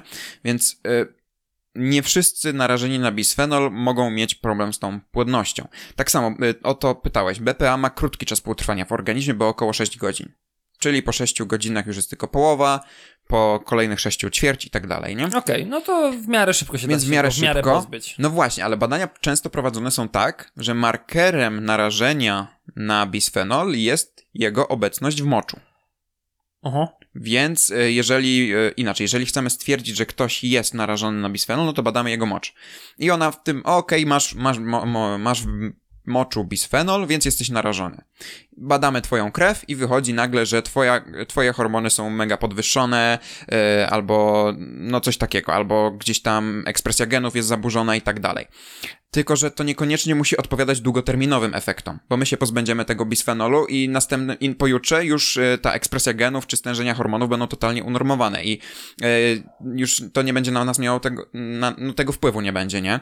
Więc problem może być właśnie w tym, że e, ten bisfenol jest bardzo krótko w naszym organizmie, może bardzo krótkotrwale powodować jakieś takie zaburzenia, ale one w szerokim kontekście i długo, nie, nie mają takich długoterminowych efektów, a badania są przeprowadzane w taki sposób, że jeżeli ty nie masz bisfenolu, to jesteś zdrowy, a jeżeli ty masz bisfenol, no to jesteś chory No tak. Mhm. i rozumiesz, wtedy y, nie wiem jeszcze jak inaczej o tym powiedzieć, ale Y, No, badamy jakby tu i teraz. Nie ma Tak. tak, że czy... tak, a ta osoba, którą dzisiaj zbadaliśmy i ona, mamy idealne hormony i nie ma tego BPA, ona wczoraj mogła mieć to BPA i wczoraj wy, wyszłoby, że ona była chora, nie? Więc tutaj mógł, może Trzeba być było problem. prowadzić taką długą diagnozę, nie? Tylko, Mhm. że no, to trz- potrzebowalibyśmy ochotnika, który by na przykład codziennie pił coś zawierającego bisfenol, no i w ten sposób, no to trochę nieetyczne jest, nie? No właśnie, więc Chyba, że akurat no, ktoś ma taki styl życia, że tak robi i powiedzmy świadomie, dobrowolnie się podda Mhm. takim badaniom, nie? Bo w sumie no okej, dobra, mam to gdzieś, nie? W sensie, no lubię pić kole z puszki, która ma bisfenol, no jest fajnie, nie? Więc spoko, przy okazji nie przebadajcie, zobaczymy, co z tego wyjdzie. No i tak jak y, mówiłem, no bo mi- wy, wy, inaczej, powiedziałem tak tych, dużo tych wszystkich schorzeń, więc pytanie, i to były tylko sugestie, że może coś się takiego dziać, więc pytanie, było, jest pytanie o metodologię każdego pojedynczego z ty, tego badania, nie? Więc tutaj y, są, no i tak jak mówię, ta korelacja niekoniecznie musi oznaczać przyczynowość, bo inna sprawa to na przykład otyłość, cukrzyca typu drugiego oraz choroby układu sercowo-naczyniowego, to są choroby, które są powiązane z naszym takim lifestylem, to jak się odżywiamy, jak się zachowujemy i tak dalej. I badanie mówi tak. Osoby otyłe mają wyższe BPA. Czy to znaczy, że BPA powoduje otyłość? Może jest tak, że skoro BPA pojawia się w opakowaniach Mhm. i w puszkowanym jedzeniu, no to to jest jedzenie częściej jakieś takie niezdrowe i kaloryczne. No, bo przetworzone, jest, na przykład, no. nie wiem, jeżeli jemy jakieś takie zapakowane jedzenia gotowe, produkty, nie, no to tam jest bisfenol, ale my możemy być otyli albo mieć problemy metaboliczne właśnie przez to, że jemy to coś, a bisfenol jest przy okazji. Bisfenol jest markerem, że jemy niezdrowo, Mhm. a, nie, że bis, a nie, że bisfenol jest powodem naszych, naszych chorób. Ale też nie wiem, na przykład jak masz tą dietę pudełkową, nie? Która teoretycznie ma być skrojona pod to, żebyś ty... No tak, to- wiesz, to już znaczy, in- to już nie wiem, jakim, jak to jest dostarczane, Mhm, nie? Więc mhm. to inna kwestia. Znaczy, zakładam, inna że tam firmy być może dbają o to, żeby to było dobrze zapakowane, nie? Mhm. Raz z walorów estetycznych, dwa z walorów smakowych, no bo jak się tam, nie wiem, poda w jakimś trochę lepszym pudełku, no to też przy okazji raz, że zwiększy to odbiór taki wizualny, dwa, że być może w, lepiej konsumpcyjnie to ten Mhm. wpłynie, a trzy, no, no jak już takim, nie wiem, pl- fu, steropianowym tym, nie? I ci wszyscy tak skrzeczy, no to też niezbyt przyjemnie ci się je, nie? Tak, to jest tak, druga tak, kwestia. To jest trochę na zasadzie jak udowadnianie, że y, przejście na dietę wegańską, czy tam wegetariańską jest lepsze niż jedzenie mięsa, bo się poprawia po prostu y, zdrowie człowieka, przy czym ja tutaj nie chcę negować tego, absolutnie, tylko to jest taki często argument podawany, gdzie ogółem, jeżeli przechodzisz na taką dietę, to zwykle zmienia prostu się całe... zaczynasz jeść z- lepiej Tak, i po prostu Mhm. zaczynasz zdrowiej żyć, nie tylko, że przez jedzenie samo z siebie, ale no zaczynasz zwracać uwagę na inne aspekty. Tak, temu Więc to towarzyszą trochę inne większe- takie decyzje. Tak, to nie jest tak, że jest tylko eliminuje mięso, żyje tak jak żyje, tylko zwykle to idą trochę szersze zmiany. Mhm. No i dokładnie może być tak samo z bisfenolem, bo bierzemy osobę otyłą i mówimy, o, ona ma duże stężenie bisfenolu, To no to patrzcie, bisfenol powoduje, że ona jest otyła. A może po prostu jest tak, że ta osoba żre dużo i stąd jest dużo tego bisfenolu, bo żre dużo puszkowanej tak, zupy, bo nie? pije, pije ciągle kole z puszki, nie, zamawia sobie y, w tym żarcia na wynos w plastikowych tych, no i jedziemy, nie, i się wszystko Tak, pogłębia. więc tutaj, e, a tak jak mówię, te takie badania, które pokazują bezpośrednio, że aha, tu wstrzykujemy i taki jest mechanizm molekularny, tak się zmienia ekspresja genów, takie i tak dalej, takie bardzo bezpośrednie m, ciągi przyczynowo-skutkowe, no to one są albo na zwierzętach, albo na jakichś modelach takich w in vitro, czyli w szkle, nie? Jakieś takie warunki laboratoryjne, które niekoniecznie muszą odpowiadać faktycznej sytuacji, nie? Mhm. I pomimo tego, że y, ten bisfenol jest przedmiotem dyskusji, no to dla własnego bezpieczeństwa warto tego e, unikać tworzyw, które zawierają BPA, tak jak na przykład zakupić bidon, który ma oznaczenie BPA free, bo właśnie chciałem o tym powiedzieć, że na wielu opakowaniach i coraz częściej zdarza się, że pojawia się ten symbol albo BPA free, albo wolny od BPA, albo coś takiego. E, I do przechowywania jedzenia stosujmy tworzywa właśnie też e, albo z takim oznaczeniem, że BPA free, albo w ogóle zwróćmy uwagę, czy jest taka ikonka, która mówi nam o tym, że nadaje się do kontaktu z żywnością. Okej, ale co to jest w ogóle za... Taki przekreślony widelec z, z nożem. Pewnie Okej. kojarzysz, w takim Tak, tak, kwadraciku, tak, tak, taki tak, tak. symbol. Mhm. I on jest albo przekreślony, albo, nie, więc Jeżeli nie, to znaczy, nie każde jest tworzywo jest przeznaczone do kontaktu z żywnością. Okej. I o tym warto pamiętać. Wybierając jakieś takie pudełka, warto sprawdzić, jakie są oznaczenia. A ja na przykład mam taki toster, Na który, nim jest przekreślone. który ma taki... Mm, pod spodem takie, taki, taki, takie pudełeczko, jak gdyby na przykład na ściekający tłuszcz. Mhm. I na nim jest, że nie wolno tego użyć, nie? Więc jak Okej. na przykład smażysz kurczaczka, no to nie możesz tego już wykorzystać jako, nie wiem, sosik czy coś takiego, nie? No, no nie wiem, cokolwiek. Albo jak smażysz jakieś warzywa, o dobra, bo O, okej, kurczaczka to, okej. to gorsza, nie? Więc to, co ścieka, to już i ścieka właśnie na... na... To koniec. Done No. deal. Więc e, tak, e, tak są butelki jednorazowo, tylko jednorazowo, to już opowiadałem o tym płukaniu, więc nie będę tego mówił e, drugi, ra- drugi raz.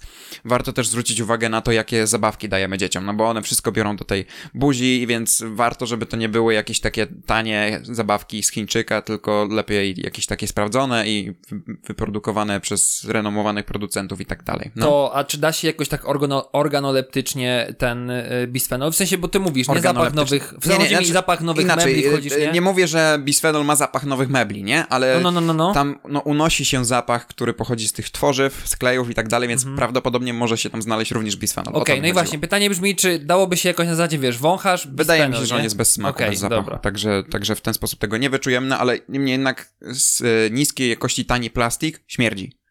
No tak, to no jest tak, a jest wysokie prawdopodobieństwo, że w tym taniej jakości plastiku będzie BPA. E, Tak samo smoczki, butelki, na to też warto zwrócić uwagę, bo na przykład znalazłem badanie, które mówiło, że jeżeli BPA znajdowało się w tej takiej tarczy smoczka, Mhm. to to BPA było w stanie migrować do silikonu w tej, tej gumowej części smoczka, no a stamtąd już, mi, No już, już prosta było droga do tego, do, żeby dziecko miało. do środka dzieciaczka. Tak samo y, warto zwrócić uwagę na paragony, bo i szczególnie, no i tutaj kasjerki może warto, żeby się wyposażyły w rękawiczki. E, I tutaj szczególnie bisfenol chętnie się wchłania gdy, wchłania, gdy mamy wilgotną albo mokrą rękę. Bo bisfenol wchłania się też przez skórę. Okej, Bo tak, w- nie, nie wspominałem o tym wcześniej, powinienem chyba może o tym wspomnieć, ale bisfenol wchłania się też przez skórę, stąd też e, wspominałem o tym narażeniu takim... przez e, powietrze. Przez powietrze Mhm. bo on może się znajdować po prostu w miastach, w pyłach i tak dalej. E, I właśnie przez powietrze, tutaj przez skórę, bo myślę też, że warto przewietrzyć pojazd, taki szczególnie nagrza, nagrzany przed wejściem w upalny dzień, nie? Mhm. E, tak, tutaj już nie znalazłem, ale to myślę, że warto o tym pomyśleć. I chyba są takie zalecenia, żeby wietrzyć pojazd, zanim się, zanim się wejdzie, jak on jest taki nagrzany i, i, i czuć, że, że z tych desek rozdzielczych Tak, coś, się, coś, mhm. coś się ulatnia. Bo bisfenol wchłania się również przez od, układ oddechowy, więc warto o to zadbać. Tak samo nie podgrzewajmy plastikowych opakowań w mikrofali, bo pomimo tego, że jakieś tworzywo może być oznaczone jako bezpieczne yy, i że jest wszystko z nim w porządku, no to jeżeli je podgrzejemy, no to ono może wtedy już w znacznej części uwalniać bisfenol czy inne niebezpieczne związki. Także nie, po, nie podgrzewajmy plastikowych opakowań mikrofali, to głupie. Albo w piekarniku. Yy, bo czasami na przykład są takie gotowe żarcie i one są w jakichś takich tworzywach. No tak, tak, tak. I żeby lepiej tylko to- włożyć ciach, ciach i Tak, jedziemy. tak, tak. Mhm. Na talerz, jak I człowiek. lepiej. No. Eee, więc, aha, jeszcze bisfenol może migrować do żywności z butelek takich e, z tworzyw e, w stężeniach od 0,2 do 0,3 mg na litr. I to jest takie sensowne gdzieś tam stężenie, chociaż już groźne, ale jak gdyby nie jest e, nie wiadomo jak przekraczające normy. Mhm. A w powlekanych aluminiowych butelkach ta migracja może wynosić nawet ponad 1 mg na litr, czyli dziesięciokrotnie więcej. Te Już dużo, powlekane wydaje mi się, że aluminiowe- miligram to już jest bardzo dużo. Mhm, mhm. Więc, ale to już jest takie też skrajne sytuacje i to mówię, że to jest tak górna granica. Unikajmy też tworzyw z oznaczeniem 3 i 7, szczególnie jeżeli korzystamy z nich często albo A to mamy gdzie ich jest to oznaczenie? To są, to są takie oznaczenia mówiące nam o recyklingu. W takim kwadracie stworzonym ze strzałek, Aha. Taki, y, nie kwadracie, w trójkącie stworzonym ze strzałek, one Aha. taki, taki symbol recyklingu i w środku jest 1, 2, 3, 4, 5, 6, 7, 7 oznacza inne i tam na przykład są oznaczenia dla PET i tak dalej. Okej. I one mają symbole e, od 1 do 7. 7 oznacza inne, trójka nie pamiętam co oznacza. Ale 3 i 7 mamy się wystrzegać, tak? Mhm, Dobra, mhm. okej, Bo one mogą, choć nie muszą zawierać BPA. okej. A teraz trochę pozytywów. Na terenie Unii BPA jest powoli wycofywany. Jej! Od stycznia 2020 roku nie powinien się on w ogóle znajdować w papierze termicznym. No może nie w ogóle, ale stężenie dopuszczalne to poniżej 0,02%. Czyli bardzo małe. Mhm. I to jest od stycznia zeszłego roku, czyli już ponad rok w paragonach nie powinniśmy mieć tego BPA, także możemy zdjąć te rękawiczki. Albo nie, załóżmy te rękawiczki, bo jest pandemia. I maseczki. Od stycznia do marca można było się nacieszyć. Jezu, i teraz wyobraź sobie, że. Yy, bo, bo bardzo często teraz wiesz, są, są maseczki, no Mhm. to ludzie produkują, nie? Na, na potęgę, nie jakieś tam koncerny. No i teraz wyobraź sobie, że masz taką maseczkę, która jest z BPA po prostu. A wiesz co, o tym nie pomyślałem, ale faktycznie lepiej zakupować yy, te bo maseczki bo w aptekach właśnie- niż byle gdzie. No bo widziałem na zasadzie, nie wiem, jest tam, wiesz, na zasadzie jest promocja, nie? Że 500 maseczek za 3 złote. Tak, z tak. 10. No I one mają takie niby certyfikaty, ale to po prostu no, ale Chińczyk to wiesz, sobie leci po prostu z. AliExpress, ktoś sobie Tak, kupuje i później sprzedaje z tym, z wyższą marżą. I tak no, to też wypadałoby zwrócić na to uwagę. W sensie, że nie zawsze ten najtańszy produkt, który wydaje To się z tym jest bardzo duży faktycznie... problem, że te maseczki chirurgiczne często są trochę oszukane i, i wcale nie spełniają takich norm, jakie powinny spe spełniać, więc najlepiej kupować albo w sklepach medycznych, albo w aptekach, chociaż tam też nie ma takiego, takiej stuprocentowej pewności, że wszystko No, jest w porządku. zawsze Tak jest na przykład nasz rząd kupił prawdopodobieństwo, res że się- respiratory różne, takie lewe i tak dalej, więc No, no, no. w sumie nasz rząd też kupił maseczki, które miały oszukane certyfikaty, więc nawet Ale rządowe przyleciał się... duży samolot. Ale przyleciał duży samolot. E, dobra, od 2011 roku, czyli to jest takie jedno z wcześniejszych ograniczeń, e, BPA nie może znajdować się w ogóle w butelkach dla dzieci. No ale jak kupimy jakieś taką, jakąś taką u Chińczyka, no bo problem jest taki, że jesteśmy zalani tanim plastikiem. Tak, to niestety jest Więc plaga. to, że na terenie Unii Europejskiej coś jest zakazane, to nie znaczy, że każdy Że plastik, który wiedzie, teraz no. mamy kontakt z nim, to, to spełnia wszystkie europejskie normy. No jak ktoś sobie, wiesz, na AliExpress po prostu zamawia, skupuje wszystko, bo jest taniej, no Mhm. to, no to siłą rzeczy, no na to się prawdopodobnie zetknie, nie? Jednak. Mhm. No ale jest do maksimum, znaczy może nie do maksimum, ale jest bardzo wysokie kroki postawione, żeby ograniczyć to jednak. Tak, Że jest więc duży od próg 10 wejścia. lat już w ogóle nie powinien się znajdować w butelkach dla dzieci, bo to gdzieś tam było takie najgłośniejsze, przynajmniej na początku, że te dzieci są bardzo narażone, e, a od 2018 roku w ogóle nie może się znajdować w pojemnikach czy opakowaniach na żywność dla dzieci poniżej roku trzeciego. Mhm, okej. Czyli w jakieś tam be bebiko, czy, czy jakieś takie rzeczy, nie? A we Francji na przykład BPA jest zakazane w ogóle we wszystkich opakowaniach żywności. O, fajnie. To bądźmy jak Francja i z taką myślą was pozostawiam. Champs-Élysées i e, Sacre jak się mówi po francusku do widzenia? Eee, nie, Mam pomysł na bon voyage. Bon voyage. Czekaj, no ja się uczyłem francuskiego, poczekaj. E, C'est la vie. C'est la vie, no tak. Nie no. Parlez-vous français? E, e, czekaj, en français, je parle, je ne parle pas français, czyli po francusku mówię, że nie mówię po francusku. O, tak, tego, A, o. to zdanie umiem po francusku. Okej. No, No i to jak jest do No i widzenia? wolę avec moi, nie? Ale to nie wiesz, jak jest do widzenia? E, no vie chyba. Znaczy vie to jest bardziej takie cześć. Chyba bon, bon voyage? Chyba? Adios. Ciao. No, bon voyage to jest dobrej podróży. No dobra, no może być, no. Nieważne. No to, to, to Jeżeli wpisz, słuchacie to sobie, nas w podróży, to, to- bon voyage. To wpisz w rozpiskę i Aha. masz, masz tego karniaka na następny. W końcu będziesz miał coś ty w końcu społecznościowym. E, Jeśli chodzi o moje przemyślenia, bo, bo właśnie tak e, to, co ty poruszasz, nie na zasadzie. E, to, Znowu jest temat pod tytułem Patryk Straszy. Au revoir. a revoir, a, a, auf Wiedersehen. E, to, co ty mówiłeś, to, co ja ci pytałem, że właśnie, dobra, od kiedy się to produkuje, a od kiedy się, wiemy, że to jest, y, że to jest złe. No bo to jest tak jak w tym w talidomidem, tak? W talidomid? To, co mówiłeś No tak, ostatnio? kiedyś opowiadałem. Że, no, że w pewnym, po prostu po x latach wyszło, że ten talidomid jest y, zły. Tutaj byliśmy świadomi tego, że BPA jest ksenoestrogenem, ale stosowaliśmy go w bezpiecznych stężeniach. Tylko, że teraz pewnie znając się po normy, prostu wszystko się trochę wymknęło spod kontroli i kwestia skali przewyższyła, nie? Że kwestia teraz skali, się... tego, że plastik jest coraz bardziej wszechobecny. Mhm. Yy, no bo pewnie nasi jeszcze rodzice kupowali mleko w szklanej butelce, nie? A nie w plastiku, tak jak my. E, ale też, e, no, jednak badania pokazały, że nawet te, te, te normy, które są, to mogą być niewystarczające, nie? Bo właśnie tak się zastanawiam z jednej strony, no to Ale normy normami, a kwestia jest tego, jak my użytkujemy ten No plastik, tak, nie? to jest, to jest druga kwestia, no bo pewnie są osoby, które pewnie, może nie, że nie mają zerowego kontaktu, ale mają bardzo mały kontakt, a są osoby, które w sumie, no, cały czas, nie? Puszka, y, plastikowa butelka cały czas używana przez, nie wiem, dwa miesiące i jeszcze sobie jedzą na zasadzie w tych, w plastikowych opakowaniach. Mm, ja się tak zastanawiam, no bo właśnie z jednej strony, no skoro to może potencjalnie szkodzić, to po prostu zakopać Pach, pach, nie? I do widzenia, sayonara, y, au revoir, nie ma tego, nie ma, nie ma BPA, no BPA, że zakaz. No ale z drugiej strony, kurczę, no teraz każda substancja tak naprawdę może, y, może nam szkodzić, nie? I doprowadzimy do tego paradoksu, że cokolwiek może jakkolwiek wpłynąć, to w sumie to tak naprawdę, no znowu wróćmy do drewna, które i tak może szkodzić, bo na przykład rośnie przy ulicy, a tam jeżdżą samochody i trochę nie tędy droga. No to też to, co mi przyszło głowie, to dawka czyni truciznę, oczywiście, więc żeby to świadomie, mm, świadomie wykorzystywać.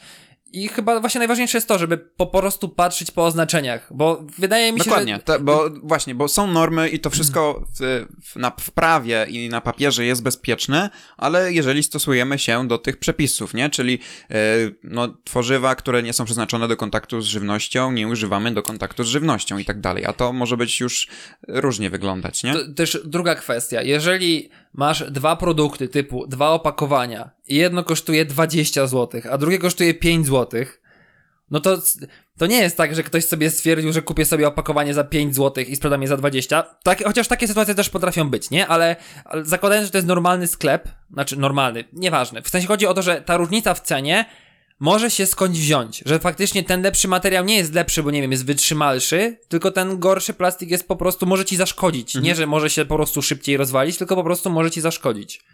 I jakby na to też warto zwrócić y, uwagę, żeby po prostu nie kupować najtańszych rzeczy, bo no to się nam odbije czkawką w końcu. No, najgorsze, najgorsze z tego wszystkiego jest to też to, co ty mówisz, nie? Na zasadzie, mm, tak jak sobie słucham tego ostatniego odcinka o tych y, neurotoksynach, nie? Tak jak teraz tego odcinka słucham, ja sobie myślę, jak my, jako ludzie, musimy być źli dla siebie raz organizmem, nie? I dwa, jak ten nasz organizm jest wytrzymały. W sensie na zasadzie, wiesz, pijesz y, coś tam, jesz ten bisfenol, nie? Y, Pijesz alkohol, który jest ultra destruktywny dla naszego organizmu, nie? Bo on jest naprawdę toksyczny. W sensie, a my, jako ludzie, potrafimy mimo tego dożyć, no, w starości, nie? W sensie, wiadomo, że tam jedni więcej, drudzy mniej, ale ile nasz organizm jest w stanie wytrzymać i naprawdę, że sobie... No, pięknie. Jak się zaczyna studiować takie to, jak działa układ odpornościowy, jak działa nasze DNA, ile tam jest takich mechanizmów samonaprawczych, Mhm. ile w naszym organizmie jest takich y, mechanizmów, układów, które psują błędy, no bo my coś jemy i Naprawiają spora... błędy. Na... a, tak, naprawiają błędy.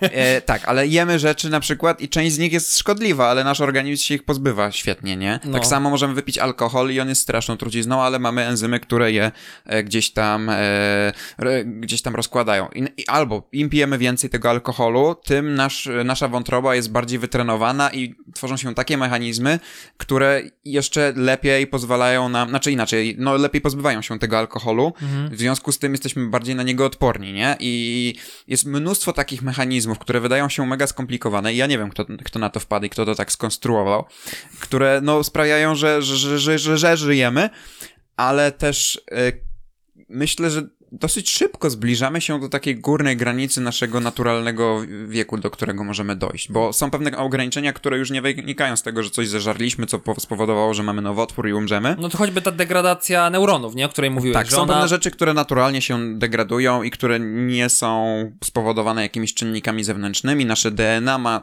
jak mamy chromosomy, to one mają coś takiego jak telomery. Tak, są one, takie... się, one się skracają, nie? Tak, i się skracają. No i to, to jest nasz taki bufor, ile możemy jeszcze z... No dopóki nie znajdziemy się. sposobu, żeby je wydłużyć, e, nie wiem, czy sobie możemy to robić. Być, znaczy, na pewno są jakieś tam próby, które próbują. Pewnie tak. Mhm. Ale ten, ale ewentualnie możemy pracować nad tym, żeby zmniejszyć ich skracanie się, Mhm. nie? Jakby po prostu wydłużamy ten czas, kiedy one się zdegradują kompletnie. No nie wiem, bo wiesz, co to są telomery, ja coś rzuciłem. Telomery to są takie gdzieś tam e, krótkie czy dłuższe ogonki przy naszym DNA, Mhm. które służą jako taka, mm, taki, taki bufor bezpieczeństwa, który z, każdym kolejnym dzieleniem komórkowym, czyli gdy rozwijają się nasze komórki, gdy pojawiają się nowe, to każda kolejna komórka naszego organizmu ma krótszy ten telomer, czyli ma krótszy ten fragment. No i on jest potrzebny nam do tego, by na przykład niwelować błędy, które pojawiają się naturalnie przy, przy, pojawie, przy dzieleniu się komórek. Mhm. Jak być pięknym młodym, nie? Mieć długie telomery.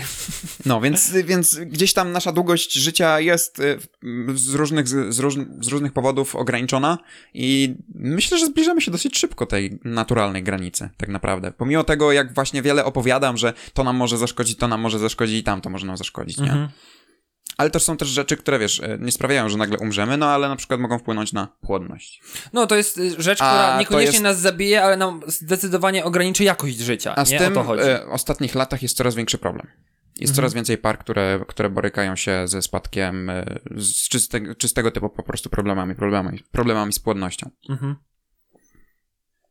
Dobra, odjechaliśmy trochę. Mhm. Ja nie wiem, czy ja na temat bisfenolu mam jeszcze jakieś przemyślenia. Tak, A ja się cieszę, że masz tę butelkę z BPA. Ja też się cieszę, że, że nieświadomie kupiłem tę butelkę. Bo właśnie, bo I tak- była droższa. To nie jest tak, że... Znaczy kupiłem ją na przecenie, nie? Ale ona sama z siebie była droższa na początku. No właśnie. Także, bo też o tym zastanawiałem się, że kurde, no ona już, ona była trochę bardziej przezroczysta, teraz jej się trochę zmętniało. Ja też, ona nie ma żadnego filtra, jeśli chodzi o tą moją butelkę, nie? Więc tam od czasu do czasu po prostu muszę ten ustrój Ale to jest przemyć. klasyk, Adrian na wszystkich odcinkach ma tę butelkę. No, więc, yy, więc też zastanawiałem się, czy jej nie wymienić, czy po prostu nie pójść w tę stronę, wiesz, takich butelek, które mają filtry po prostu wymieniane, nie? Albo szklaną. Albo po prostu szklaną, chociaż nie, szklaną się boję, bo ona mi często spada i No, no no, ile to już upadków zaliczyła ta butla, to wiesz, to już też nie, nawet nie liczę i to, że ona się trzyma, to jeszcze to bardzo fajnie dla niej, bo szkło to by myślę poszłbym przy pierwszej lepszym momencie, ale właśnie yy, no cieszę się, że dokonałem takiego, takiego yy, nieświadomego wyboru i ogółem, no po tym odcinku znowu będę trochę bardziej zwracał uwagę na to, co No i to jest najważniejsze, co chciałem, żeby, jeżeli ktoś ma zapamiętać jedną rzecz, to bardzo często jest stosowanie tych jednorazowych butelek wielorazowo. To znaczy ktoś myśli, że jest eko, bo sobie bierze, ma starą butelkę po jakiejś tam cisowiance i sobie dolewa tam wodę z kranu i jest eko. Tylko, że to jest szkodliwe po prostu, nie? No tak, tak, tak. Bo one są przeznaczone do jednorazowego użytku, nie tylko ze względu na to BPA, ale też inne substancje, które tam są, e, jakieś takie uplastyczniacze, czy, czy jak to się nazywa, takie różne gdzieś tam... Plastyfikatory. Plastyfikatory, tak. To to może się wypukiwać i, i faktycznie jest tak, że im częściej używamy tej butelki, to tym chętniej to się wypukuje. Mhm. Okej. No co, to chyba myślę, że możemy kończyć powoli. Też tak myślę. Miało być krótko, wcale tak nie, bardzo krótko nie, nie, będzie, było. będzie w miarę krótko, bo jest surówki jest dwie godziny, także wiesz, od, Okej. odejmując nasze gadanie na początku, takie w miarę długie, chyba że wstawię na koniec, to ten, to wyjdzie w miarę około, około dwóch godzin. Także standardowo, jeśli macie jakieś pytania, komentarz, prośbę, cokolwiek chcecie nam powiedzieć, jesteśmy fajni, to kontakt.chemiczny.gmail.com, fanpage, możecie nam zostawić też komentarz na YouTubie, zachęcamy do subskrypcji. Moje E, badania pokazują, że tego fragmentu już prawie nikt nigdy nie słucha. Także jeżeli nas słuchasz, jesteś wyjątkowym słuchaczem, albo po prostu napisz nam twój bisphenol- telefon, napisz twój telefon, w komentarzu. o na przykład wiesz, myjesz naczynia, więc nie jesteś w stanie nas już przełączyć, tego gadania. O, na przykład, Więc, tak. Albo zasnąłeś. Albo, także W pozdrawiam serdecznie i e, no myślę, że możemy zaczyna, zakończyć, zaczynać ten odcinek, tak, zakończyć ten odcinek i w takim razie do usłyszenia, cześć, Auf Wiedersehen. O, au, bo, au revoir. au revoir.